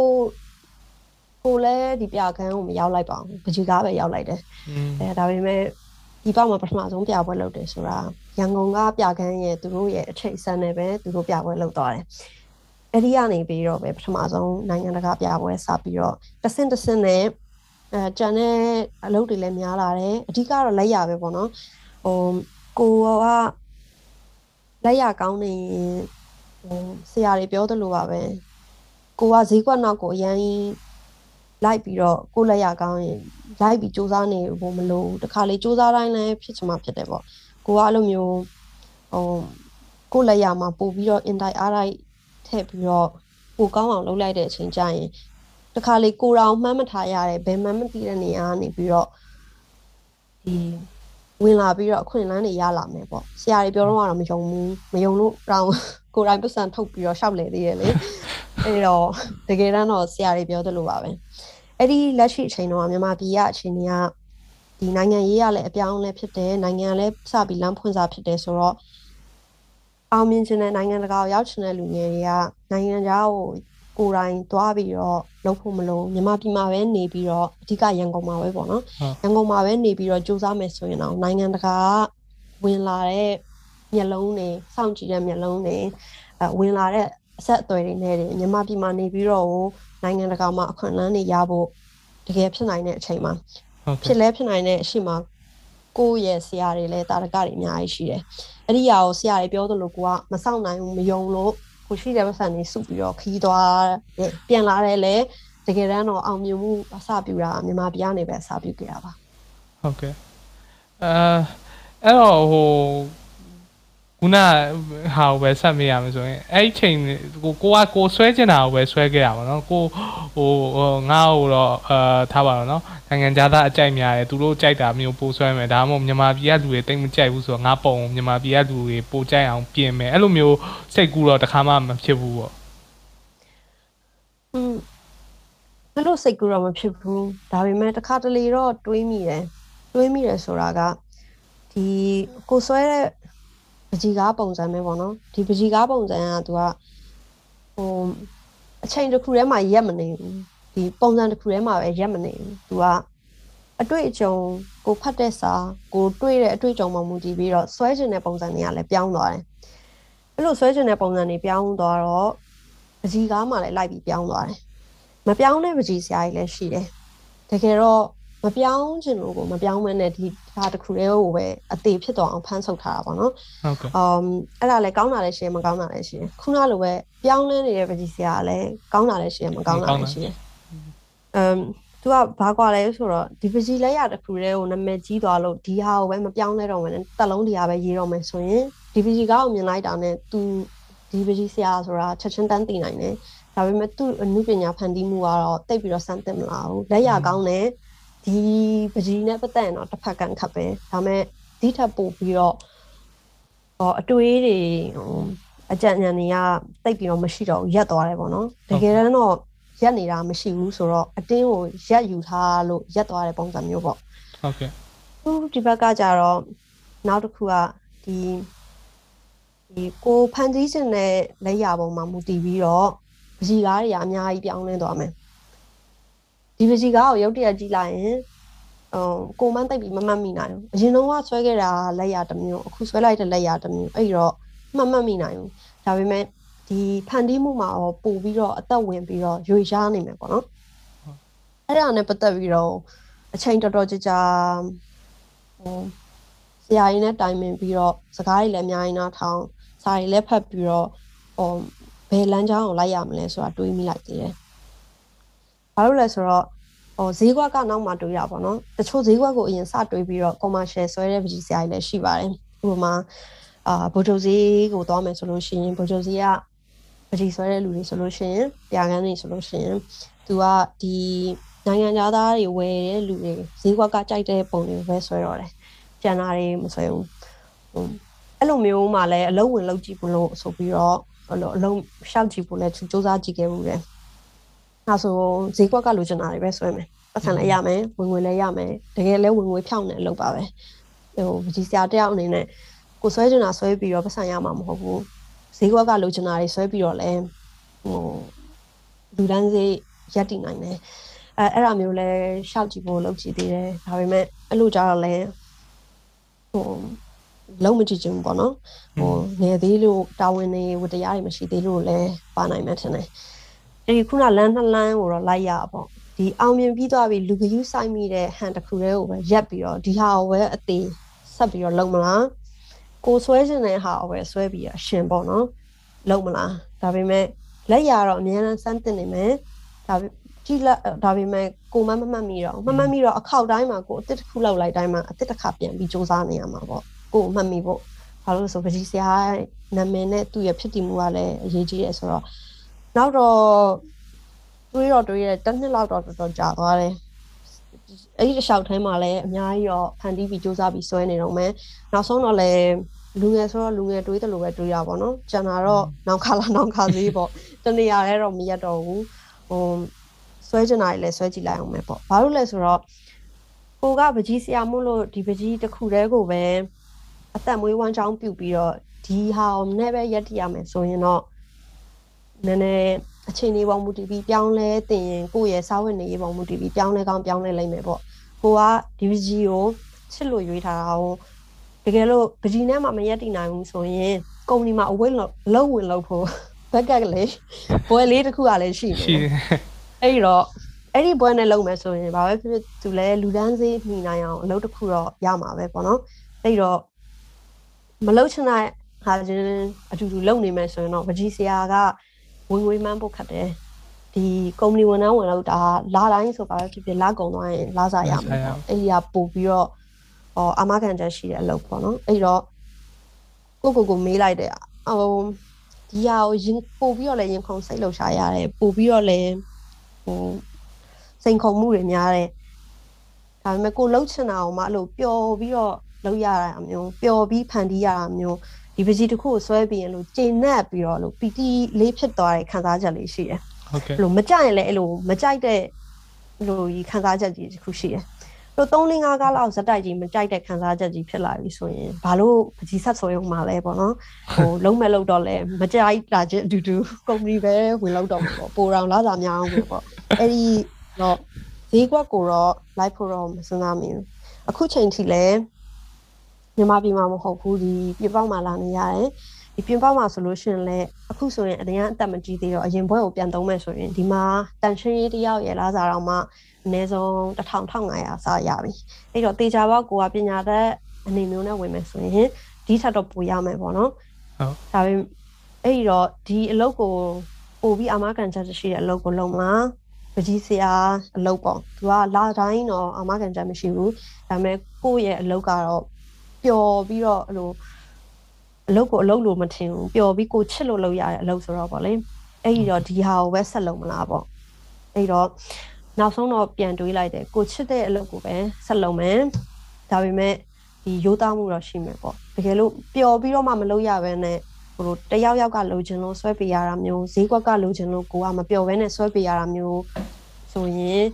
ဘာထုလဲပေါ့နော်ပို့ပြီးတော့လာစားကောင်းတဲ့တခြားအလုပ်ပဲလုပ်တော့မှာပေါ့ဟုတ်အဲ့ကဲ့ဒီစိတ်ကလေးတော့အများတန်းရှိတော့ဟိုဟိုဈေးအနောက်ကိုတော့တိတ်ပြီးမလိုက်ဖြစ်ပါဘူးဟုတ်ကဲ့အဲအဲအဲ့ဒီဟာပြီးသွားတော့ဟိုဒီ creative ဘိုင်းပေါ့နော်ဒီဒီဒီသင်ဖန်တီးမှုအပိုင်းမှာကြတော့ဒီခုနပြောတဲ့ဒီလုံကြီးတွေပေါ်မှာဆွဲမယ်ဆိုတဲ့ဟာမျိုးဟိုကြတော့အာအဲ့ဒါရောဘယ်ချိန်မှမှဟို ကိုနဲ့ဘယ်လိုခေါ်မလဲ stuck ဖြစ်သွားတယ်ပေါ့အဲ့ဒီ idea အဲ့ဒါလေးအဲ့ဒီအကြောင်းလေးနည်းနည်းပြောပြလုံကြီးပေါ်မှာဆွဲတာကဒီပထမဆုံးလုံကြီးပေါ်မှာမဆွဲခင်လုံကြီးကိုကူးပြီးတော့ပကြီးကားလို့ဖြစ်အောင်ဆွဲကြည့်သေးတယ်ဆွဲပြီးတော့မှအဲ့ဒီပေါ်မှာပကြီးထပ်ဆွဲဒါပေမဲ့ဒီမူရင်းလုံကြီးလောက်ကိုလှအောင်ဟိုမဆွဲလှအောင်မဖော်ပြနိုင်ဘူးလို့ခန်းစားရတယ် မူရင်းအတိုင်းပုံစံတူဖြစ်အောင်ဆွဲလို့ရတယ်ဒါပေမဲ့အချိန်အရန်ကုန်တယ်ပြီးရင်ဟုတ်ကဲ့သူကအပေါ်မှာထပ်ဆွဲလိုက်တဲ့အခါကျရင်ဖြတ်ချင်လဲပြန်ဖြတ်ရမယ်ဆိုတော့အချိန်အရင်ပေးပြီးတော့အရန်အားထုတ်ရတာဒီလုံကြီးကိုပဲတူအောင်ဆွဲနေပြီးတော့အားထုတ်လိုက်တဲ့အခါမှာအားကုန်သွားပြီကြံတဲ့ဖန်တီးမှုမှာလိုသလောက်အားမထုတ်နိုင်တော့ဘူးလို့ခံစားရတယ်အဲ့တော့အကောင်းဆုံးကအဲ့ဒီချိန်မှာသွားတွေ့လိုက်ရအောင်ဒီမူရင်းတကယ်ဒီ မူရင်းဖန်တီးထားတဲ့လုံကြီးပြီးရင်တစ်ခါတလေလုံကြီးမှာတော့မှဒီရှမ်းအစင်လေးတွေဆိုရင်လည်းငွေရောင်လက်ကျိုးလေးတွေပါတယ်အဲ့လိုမျိုးလေးတွေမျိုးစုံပါတယ်ဆိုတော့သူ့ရဲ့အလားကိုမူရင်းတိုင်ချပြတာကအင်အားအရှိဆုံးဖြစ်မယ်လို့ခံစားရတော့ဒီမူရင်းတိုင်ကိုပဲစဆွဲတယ်။ဒါပေမဲ့စဆွဲတော့လုံကြီးကဒီမြမဒီချီတယ်တွေဂျိတ်တွေပိတ်စာတွေကကင်းပတ်မဟုတ်တော့ဟုတ်တယ်ပတ်လို့တိတ်အဆင်မပြေဘူး။ဆေးရောင်ထည့်လိုက်ရင်ဆေးရောင်က အနီးတို့အပြားတို့အစိမ်းတို့ထည့်ရဆိုလဲတိတ်ပြီးမတိတာအောင်အညိုအရင်းချင်းပုတ်ပုတ်ကြီးပဲဖြစ်သွားတယ်ဒီမူရင်းရှိတဲ့ပိတ်စာရဲ့ပိတ်စာရဲ့အရောင်နဲ့ရောလိုက်တော့အဲ့မှာတော်တော်ကြာတယ်ပထမနှစ်ကားသုံးကားကိုတော့အယောင်အနုလုံးကြီးပေါ်မှာဆွဲတော့တိတ်ပြီးတော့ပြဿနာမရှိဘူးဒါပေမဲ့အရန် limited ဖြစ်တယ်ပေါ့ limited ဖြစ်တယ်ဆိုတာကန့်သက်ချက်အရန်ကြီးတယ်ဒီအယောင်အနုလုံးကြီးမှမဟုတ်ရင်ကျန်တဲ့ပုံမှာပကြီးဆွဲမရဘူးဖြစ်နေအဲ့တော့ပထမဆုံးပွဲမှာ ဒီအယောင်အနုနောက်ခံတဲ့လုံးကြီးပေါ်မှာဆွဲတဲ့နှစ်ကားသုံးကားလောက်ကပြပြီးတော့ဆက်ပြီးတော့တိတ်မဆွဲနိုင်ဘူးမဆွဲနိုင်မင်းနဲ့ရှစ်လလောက်ကြာသွားတယ်ရှစ်လတစ်နှစ်ခွဲလောက်ကြာရှစ်လကနေတစ်နှစ်ခွဲလောက်ကြာသွားတယ်ဒီလုံးကြီးပေါ်မှာပဲဆွဲဖို့အခက်ခက်ခါခါစူးစမ်းကြည့်နေတာမူရင်းအတိုင်းလုံးကြီးပေါ်မှာဆွဲလို့မရတော့လုံးကြီးကိုတစ်ခုခုခံပြီးတော့ဆွဲမယ်ဆိုပြီးတော့ဟိုဆေးခံလိုက်ဒီဆေးခံလိုက်အမ်မျိုးစုံပေါ့နောက်ခံဆေးတုပ်လိုက်အဲ့လိုပုံစံမျိုးစုံနဲ့လုပ်ကြည့်ပြီးတော့နောက်ဆုံး လုံးကြီးကဟိုပုံစံမျိုးစုံဖြစ်သွားတယ်အရန်ပျော့သွားတဲ့ဟာတွေရှိတယ်အရန်မာကောက်ပြီးတော့လေဘယ်လိုမျိုးဂျက်ဆက်ကူကြီးတွေလို့ထူသွားတဲ့ဟာလည်းရှိတယ်မျိုးစုံပဲပစ္စည်းတွေလည်းမျိုးစုံစမ်းပြီးတော့နောက်ဆုံးတော့တော်ပြီးအဲ့လောက်ခံနေရင်ဆိုလဲမဆွဲတော့ဘူးပေါ့နော်တစ်နှစ်လောက်လည်းကြာလာပြီဆိုတော့မဆွဲတော့ဘူးရက်လိုက်တော့မယ်ဆိုတော့အဲ့လိုတွေးလိုက်တယ်တွေးပြီးတော့စိတ်ကလို့တန်ရောစရာမပြတ်ဘူးအော်တစ်ခေါက်ကလေးပဲစူးစမ်းပြီးတော့စမ်းကြည့်လိုက်ပါအောင်မယ်ပေါ့အဲ့နောက်ဆုံးတစ်ခေါက်စမ်းကြည့်လိုက်တော့အဲ့ ဆွဲမဲ့နီးလေးကိုတွေ့သွားတယ်တစ်နှစ်တစ်နှစ်ခွဲလောက်ကြာတော့ကင်ကြည့်ရင်လည်းတကယ် canvas လို့အသားမျိုးပဲဆေးရောင်ကလည်းတင်တယ်ကိုဆွဲခြင်းတဲ့အတိုင်းလည်းဆေးရောင်ဖြစ်တယ်အဲအမားတော့မခံဘူးပေါ့နော်ဒါပေမဲ့အဲ့ဒါတော့ကိစ္စမရှိဘူးဟိုကိုအရင်တင်ထားတဲ့အခြေခံတွေပါကိုရဲ့ဒီကျွမ်းကျင်မှုနဲ့ပေါင်းပြီးတော့ဒီအမားမခံတာနည်းနည်းလက်နဲ့ထိမ့်ပြီးဆွဲသွားလို့ရတယ်ပေါ့ဒါပေမဲ့ကြံတဲ့ဟာတွေကအကုန်လုံးအဆင်ပြေတော့ အဲ့ဒီတစ်ခေါက်ကနေစပြီးတော့လုံခြုံရေးတွေပြန်ပြီးတော့ဒီလုံခြုံ background သုံးပြီးတော့ဇက်တိုက်ဆွဲဖြစ်သွားတယ်ဒီဟာကဒီအသုံးပြုတဲ့ပစ္စည်းအပေါ်မှာပြန်ပြီးတော့စမ်းသပ်မှုလုပ်ပြီးတော့ struggle လုပ်ရတဲ့အမှတ်တရပေါ့ဟုတ်ကဲ့အဲ့တော့ပချီကားတစ်ချက်ကိုဆွဲမယ်ဆိုရင်အချိန်ဘယ်လောက်လောက်ယူလဲအမ်ခုနဲ့တစ်ခုနဲ့တော့မတူမတူဘူးဆိုတာအဲ့ဒီဖ န်တီးမှုအစ်စ်ပေါ့နော် idea အစ်စ်တစ်ခုထွက်ဖို့ဆိုရင်တော်တော်ယူတယ်တခါတလေ6လကနေတစ်နှစ်အထိအချိန်ကြာတယ်ဒါပေမဲ့အဲ့ဒီအကြံတစ်ခုရသွားပြီဒီအကြံပေါ်မှာဘယ်လိုဆွဲမယ်ဘယ်လိုဖန်တီးမယ်ဆိုပြီးပုံစံထွက်လာပြီဆိုလို့ရှိရင်တော့အဲ့ဒီအုံနောက်ထဲမှာဆွဲကြည့်ရပေါ့နော်ပထမဆုံးအဲ့ဒီအုံနောက်ထဲမှာပကြီးပုံမပေါ်သေးဘူးဆိုရင်အဲ့ဒီအချိန်ကတော်တော်ကြာတယ်မပေါ်မချင်းဇက်တိုက် ဟိုစိတ်ထဲမှာဆွဲကြည့်နေတာပေါ့ဟိုဆေးနဲ့ဒီဆေးနဲ့ရောမလားပေါ့ဟိုဘာကိုအနောက်ခံထားမယ်ဒီအောင်အရှိမထားမယ်ဆွဲကြည့်ရင်မပေါ်မချင်းအဲ့ဒါတော့တော်တော်ကြာတယ်တကယ်လို့အုံနောက်ထဲမှာဆွဲပြီးလို့ပြီးသွားပြီဒီမူရင်းကိုဒီတကယ်လက်ရှိပစီကားကိုစပြီးဆွဲတော့မယ်ဆိုရင်တော့အာတပတ်ကနေပြီးတော့နှစ်ပတ်သုံးပတ်လောက်ကြားထဲမှာဆိုရင်ပြီးရဲ့ဟောတခါတလေလို့ပွဲတွေပါရှိလို့အသေးအတန်ပေါ့နေရောညာရောခမင်းစားချိန်မှနားပြီးတော့ဇက်တိုက်ဆိုရင်တော့ တပတ်10ရက်လောက်ဆိုရင်ပြီးပါတယ်ကားအကြီးတွေဆိုရင်ပေါ့လေဟုတ်ကဲ့ဟိုအဲ့တော့ဟိုတခု idea တခုရပြီဆိုဒီဟာကို series လိုက်ဆွဲမယ်ဆိုရင်အဲ့လိုမျိုးဟိုစဉ်းစားလိုက်တာမျိုးလားအဲ့လိုမျိုးဒီဒီ series မှာတော့ဘယ်နှကားလောက်ဆွဲမယ်ဆိုပြီးတော့အဲ့လိုမျိုးစဉ်းစားတာမျိုးဟိုသူတချို့ပကြီးဆရာတော့မသိဘူးရှူးအနေနဲ့ပကြီးဆွဲရင်တော့အဲ့ဒီ idea တစ်ခုရပြီဆိုရင်ပကြီးကားတကားတဲ့နဲ့ပြောရင်မလုံလောက်ဘူးလို့ခံစားရရပေါ့နော်ဘလို့ခုနလိုပဲဇလန်းတွေလည်းအများကြီးပါတယ်ပြီးရင် နေရန်ခြံထားလို့မရတာကဒီမြမပြည်ရဲ့ကာချာနဲ့ဒီသမိုင်းရဲ့ရိုးရာရဲ့အမွေအနှစ်တွေပေါ့နော်ပြီးကနုတ်တွေဟိုအစင်စင်ဖြစ်လာတဲ့ဟာမျိုးတွေကိုစိတ်ကနေတိတ်ပြီးခြံလို့မရအောင်အဲ့ဒါတွေကိုအများအားပြန်ပြန်ပြီးတော့ခေါ်ပြတယ်ဒီတော့ဒီမြမပြည့်ရဲ့အငွေအသက်တွေဒီအနှစ်သာရတွေကိုဟိုလဲထဲ့ကိုထဲ့ကျင်တယ်ဒီအကြံဉာဏ်အစ်စ်ကိုလည်းထဲ့ကျင်တယ်အဲ့ဒီ ဒီအကြံဉာဏ်အစ်စ်ကိုကိုဆွဲကျင်တဲ့ရေးဆွဲတဲ့ပုံစံမျိုးနဲ့ဒီမြမအငွေအသက်ကိုဘယ်လိုပေါင်းမလဲပေါ့နော်သူကလည်းဟင်းချက်တယ်လို့လည်း recipe ရှာတာ recipe ရှာတော့တခါတလေတော့လဲပြတ်သွားတဲ့ဟင်းတွေလည်းရှိတော့မကောင်းတကယ်လို့ချက်နီးရပြီဆိုလို့ရှိရင်ဒီချက်နီးကိုပဲတကားနဲ့ဆိုရင်မပြည့်စုံဘူးလို့ခံစားရရတယ်ဥမာကြက်သားနဲ့ချက်မယ်ငါးနဲ့ချက်မယ်အမ်အမ် တက်ဦးနဲ့ချက်မယ်အဲ့လိုအမျိုးအစားလေးပြောင်းပြီးတော့ချက်လိုက်ရင်အားလုံးပေါင်းလိုက်တဲ့အချိန်ကျရင်ဒီ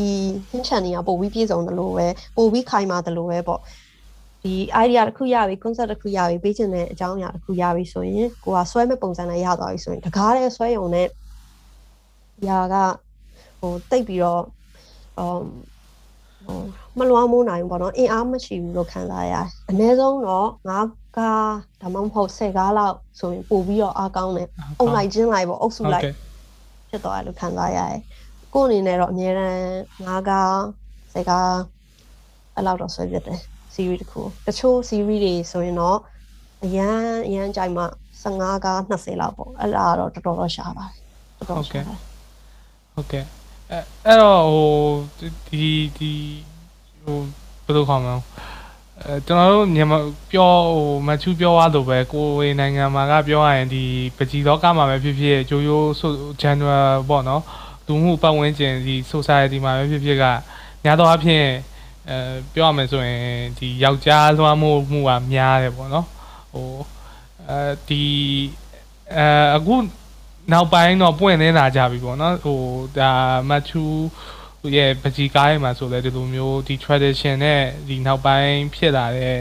အဲဟိုအမြင်တွေအတွေးခေါ်တွေနဲ့မတူတဲ့ဟာတွေကိုအဲ့လိုမျိုးနည်းနည်းပြထားရပေါ့နော်ဆိုတော့ဒီကျွန်တော်တို့ဒီ tradition တွေဟိုဟိုမချူကဘယ်လိုမြင်လဲပေါ့ကောင်းရှိတဲ့ဘယ်ဟာရကောင်းပြီးတော့ဘယ်ဟာရမကောင်းဘူးလို့ထင်တယ်ပေါ့ဘယ်ဟာရတော့ရှိတဲ့နဲ့ဘယ်ဟာရတော့ဟိုအဲပြုပြင်တဲ့နဲ့ပေါ့ အဲအဲ့အမြင်လေးတဲ့ဒီပကြီးကားတဲ့မဟုတ်ပဲဒီမှာဟိုစကလုံးနဲ့နည်းနည်းပြောပြပါလားအာချူကတော့ဒီရင်ကျင်းမှုအမွေအနှစ်ပေါ့နော်ဒီမြန်မာပြည်ရဲ့ရှေးရိုးထုံတန်းအစဉ်လာတွေနဲ့ပတ်သက်ပြီးတော့ထင်တာကတော့မြန်မာပြည်မှာဟောနှစ်ခုပေါ့နော်အဲ့နှစ်ခုရှောင်းနိုင်ရင်တော့အကောင်းဆုံးနည်းလမ်းကိုတွေ့မယ်ပဲလို့ထင်တယ်ဘယ်နှစ်ခုလဲဆိုတော့တစ်ခုကဒီမြက်ကမ်းမျိုးချစ်ပေါ့ မြန်မာပြည်ကရင်ကျင်းမှုအသားလင်းအကောင်းဆုံးမြန်မာလူမျိုးတို့လုပ်ခဲ့တာတွေအကောင်းဆုံးကျန်တာတွေကလုံးဝမကောင်းဘူးပေါ့အဲရင်ကနေရဟာတွေအကုန်လုံးကိုပဲလိုက်နာကျင့်သုံးပြီးတော့ငါတို့ဒီတာအကောင်းဆုံးလို့ထင်တာတစ်ခုနောက်တစ်ခုကကြတော့ဒီပြပပေါ့နော်ပြပနိုင်ငံဆိုရင်အကုန်တာပြီးသားနိုင်ငံခြားကသွင်းတဲ့ဟာဆိုရင်မြန်မာပြည်ထက်တော့ကောင်းပါပဲနိုင်ငံခြားကလာတဲ့အယူအဆတွေဆိုရင်လည်းမြန်မာပြည်ထက်ကောင်းပါပဲ ပညာရေးဆိုလည်းဟိုပြပဟာမှာကောင်းပါပဲပေါ့နော်အဲ့နှစ်ခုပေါ့တကယ်တမ်းစိတ်ကူးထဲမှာကိုဖြစ်စေခြင်းနဲ့ဖြစ်တဲ့မယ်ဟိုဆူတောင်းလို့များရမယ်ဆိုရင်ပေါ့လေဒီကိုယ့်ရင်ကျေးမှုမှာရှိပြီးသားတွေကကောင်းတဲ့အရာရောမကောင်းတဲ့အရာရောလက်ခံနိုင်ရမယ်ဒါကိုလည်းသိရမယ်တချို့ဟာတွေကလွန်ခဲ့တဲ့နှစ်ပေါင်း100 200ခန်းကကျင့်သုံးလာတာအခု ချင်းလက်ရှိအနေနဲ့ဆိုရင်ကြိုက်ပါဦးမလားပေါ့နော်အဲ့ဒါတွေပြန်ပြီးတော့တွေးရမယ်အမ်အဲ့ဒါတွေကိုရှိမှရှိတဲ့အာသာချက်ရောအားနည်းချက်ကောဒီရိုးရရင်ချင်းမှုမှာရှိရဲ့အောင်သိရမယ်သိပြီးတော့မှဒီပြပကရှိနေတဲ့အာသာချက်ရောအားနည်းချက်ရောကိုကသိနှစ်ခုစလုံးသိပြီးတော့မှအဲ့ဒီအချိန်မှာမြန်မာပြည်ရဲ့အတိုင်းအဝိုင်းမြန်မာပြည်ရဲ့လူနေမှုပုံစံမြန်မာပြည်ရဲ့ရာသီဥတုအခြေအနေပြီးရင်ကိုရီးရဲ့ဒလီရိုးရာနဲ့ပတ်သက်ပြီးတော့ပိုကောင်းတဲ့ ဟာမကောင်းတဲ့ဟာကိုထားခဲ့ပေါ့ကောင်းတဲ့ဟာကိုယူပြီးတဲပို့ပြီးတဲဆောင်သွားပြီးပိုကောင်းအောင်ပြန်ပြီးအသုံးပြုရင်တော့ပို့ပြီးတော့လာပါတဲ့အရာတစ်ခုစိတ်ဝင်စားတဲ့အရာတစ်ခုဖြစ်မယ်လို့ထင်တယ်ဟုတ်ကဲ့မချူပြောရဆိုရင်တော့ဒါဟို အစိုးမရောက်ဖို့ပေါ့နော်ဘယ်ဘက်ဟိုမှာနိုင်ငံခြားကြီးပဲမြန်မာပြည်ကလုံးဝမကောင်းဘူးနိုင်ငံခြားပဲကောင်းတယ်ကြီးလည်းမဟုတ်ဘူးအာမြန်မာချစ်ထုံးတန်းစင်တာတွေအကုန်လုံးကောင်းတယ်အကုန်လုံးလိုက်နာကျင့်သုံးရမယ်လည်းမဟုတ်ဘူးဟိုခက်တဲ့ဒီကိုကအာပြုပြင်တက်တာပြုပြင်ပြောင်းလဲတက်တာပြောင်းလဲပြီးတော့ဟိုအာညီညီညီညီမျှမျှပေါ့နော်အဲ့လိုဖြစ်အဲ့လိုပုံစံမျိုးလို့ကျွန်တော်နားလေလိုက်တယ်ဟုတ်တယ်ပြီးတော့ ဟိုညီညီမြမြဆိုတာတက်လေမြန်မာပြည်မှာတခြားဘယ်ကဘယ်ကဘာရဲ့ဘယ်နေရာမှမရှိရဲ့ဟိုဟိုပြိုင်ဆန်ရှားတယ်ပေါ့နော် unique ဖြစ်တဲ့အရာတွေရှိတယ်ဒါတွေကကိုရီးယားအာသာတစ်ချက်ပေါ့အဲ့ဒါကိုတော့လည်းပုံမှန်အရာမျိုးတိုင်းထားခဲ့လို့မရဘူးပေါ့အဲ့ဒါမျိုးဆိုရင်ပို့ပြီးတော့နည်းနည်းလေးမြေတောင်မြပေးလိုက်ရင်ကိုယ်နိုင်ငံကပို့ပြီးတော့အာယုံဆိုင်ဆရာဖြစ်လာမယ်ပို့ပြီးတော့အင်အားကြီးလာမယ်ပို့ပြီးတော့စိတ်ဝင်စားမှုကောင်းလာမယ်ပေါ့အဲ့လိုမျိုးလေးမြေတောင်မြောက်တဲ့အရာလေးတွေကိုလည်း မေ့မထားဘဲနဲ့ကိုတန်မိုးကိုတီးပြီးတော့နေတောင်မြောက်စေချင်တယ်။ဥမာမြန်မာတနခါလိုမျိုးပေါ့နေတိုင်းသုံးမိပြီးတော့နေတိုင်းပြုတ်မှုနေရတော့သူ့ရဲ့တန်ဖိုးကိုရီးယားမေ့သွားတယ်ဟေးတော့။အဲတကယ်ဒီဟာကိုကိုယ့်ရဲ့အာသာချက်အနေနဲ့ပြန်ပြီးတော့အသုံးချရင်မြန်မာပြည်ကအများကြီးပိုရှိအောင်မှထင်တယ်။ကျန်တဲ့ဘယ်ဖန်တီးမှုစွမ်းဟိုကဏ္ဍမဆိုရအောင်ဟုတ်ကဲ့ အဲ့ဒီအားနဲ့ပတ်သက်ပြီးတော့ဗောနော်ဟိုကျွန်တော်ဘယ်လိုပြောရမလဲအခုဆိုတဲ့မြန်မာပြည်မှာကအာဟိုရှိတယ်ဗောနော်ဘယ်လိုပြောရမလဲအဲ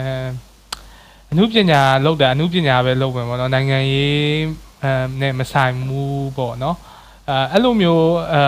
မြင်နေထားပါတော့နော်ရုပ်ရှင်မင်းသားမင်းသမီးအဆိုတော်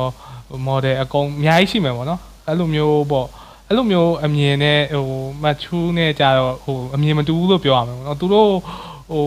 အဲ့အဲ့ဒီဒီအာ art for art sake လို့ပြောမှာအင်္ဂလိပ်လိုပြောရင်တော့တဲ့မှာငါဟိုအမှုပညာပဲလုပ်တာတခြားငါလည်းမဆိုင်ငါမသိဘူးအဲ့လိုမျိုးဟာဟိုရောဘလို့ဘာပြောချင်လဲပေါ့ဘလို့မြင်လဲပေါ့အဲ့အဲ့ဒီအယူအဆပေါ့ဟိုနိုင်ငံရေးကတော့ဟိုရာသီဥတုလိုပဲပေါ့နော်ဟိုနေတဲ့နေရာဟိုရက်နေတဲ့နေရာထိုင်နေတဲ့နေရာဒီမတူလို့အကျိုးသက်ရောက်မှုတွေကွာပေမဲ့ အပေါ်မှာမိုးရွာရင်မိုးရွာနေရခြင်းကတော့အတူတူပဲနေပူရင်နေပူနေရခြင်းကလည်းအတူတူပဲပေါ့ဒီဆွဲလိုက်တဲ့ပကြီးကားတစ်ချက်ဖန်တီးလိုက်တဲ့တခြင်းတစ်ပုတ်ရေးလိုက်တဲ့စာတအုပ်ကအမှုပညာသည်အမှုပညာအတွက်ပဲလို့ပြောပေမဲ့တကယ်တကယ်တမ်းဒီနိုင်ငံရေးရဲ့အောက်မှာဒီလူနေမှုပုံစံရဲ့အောက်မှာဖန်တီးလိုက်ရင်အ ਨੇ ဆုံးတော့ဒီလက်ရှိအချိန်လက်ရှိ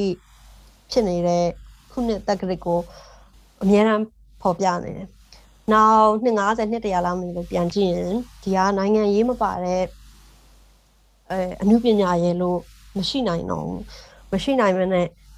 အားလုံးကအဲ့ဒီလက်ရှိအခြေအနေလက်ရှိနိုင်ငံရေးလက်တီဖြစ်တည်နေတဲ့သူ့ရဲ့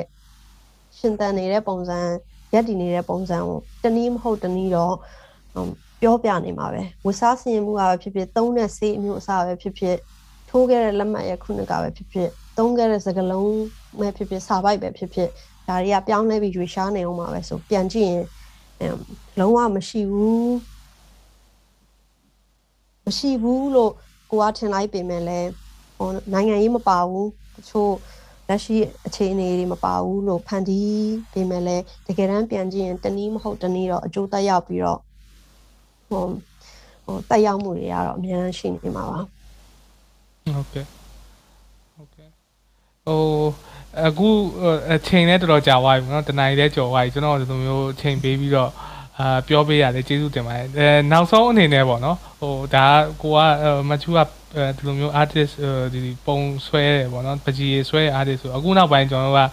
digital kit ဖြစ်လာတယ်ဆိုတော့အာအခုနောက်ပိုင်းခစ်စားလာ NFT ပေါ့နော်ဟိုလူတိုင်း အင်တာနက်ပေါ်မှာဘယ်ပဲကြည့်ကြည့် NFT NFT မဲ Facebook ကလည်း Metaverse ဒီလိုမျိုး virtual reality ဖြစ်လာတယ်အဲ့ဒီပေါ်မှာရောဒီ NFT ပေါ်မှာရောဘယ်လိုမြင်လဲပေါ့အော်အတစ်တစ်ကတော့အများအားပေါ်နေမှာပါနော်အရင်တော့အင်တာနက်မပေါ်တဲ့ခေတ်တွေတုန်းကလည်းအင်တာနက်စပြီးပေါ်လာပြီဆိုတော့လူတိုင်းကပြောကြတာပေါ့ NFT ကလည်းအနာဂတ်မှာဟိုခိုင်မာတဲ့အမ်အရာတစ်ခုဖြစ်နိုင်တယ်ဒါမှမဟုတ်လည်းဒီခေတ်စားမှုအရာပေါ်လာတဲ့အရာမျိုးလည်းဖြစ်နိုင်တယ်ဘာပဲဖြစ်ဖြစ်ဒီခေတ်နဲ့အညီစူးစမ်းကြည့်တာတော့မမဘူးလူငယ်တွေပေါ့အနည်းဆုံးတော့ဒီဟာကိုစမ်းသပ်ချင်တယ်ဆိုလို့ရှင်လည်းအခုမှစပြီးတော့ပထမဆုံးဒီပထမဆုံးရေလိုင်းပေါ့နော်ရေလိုင်းနဲ့အတူတူ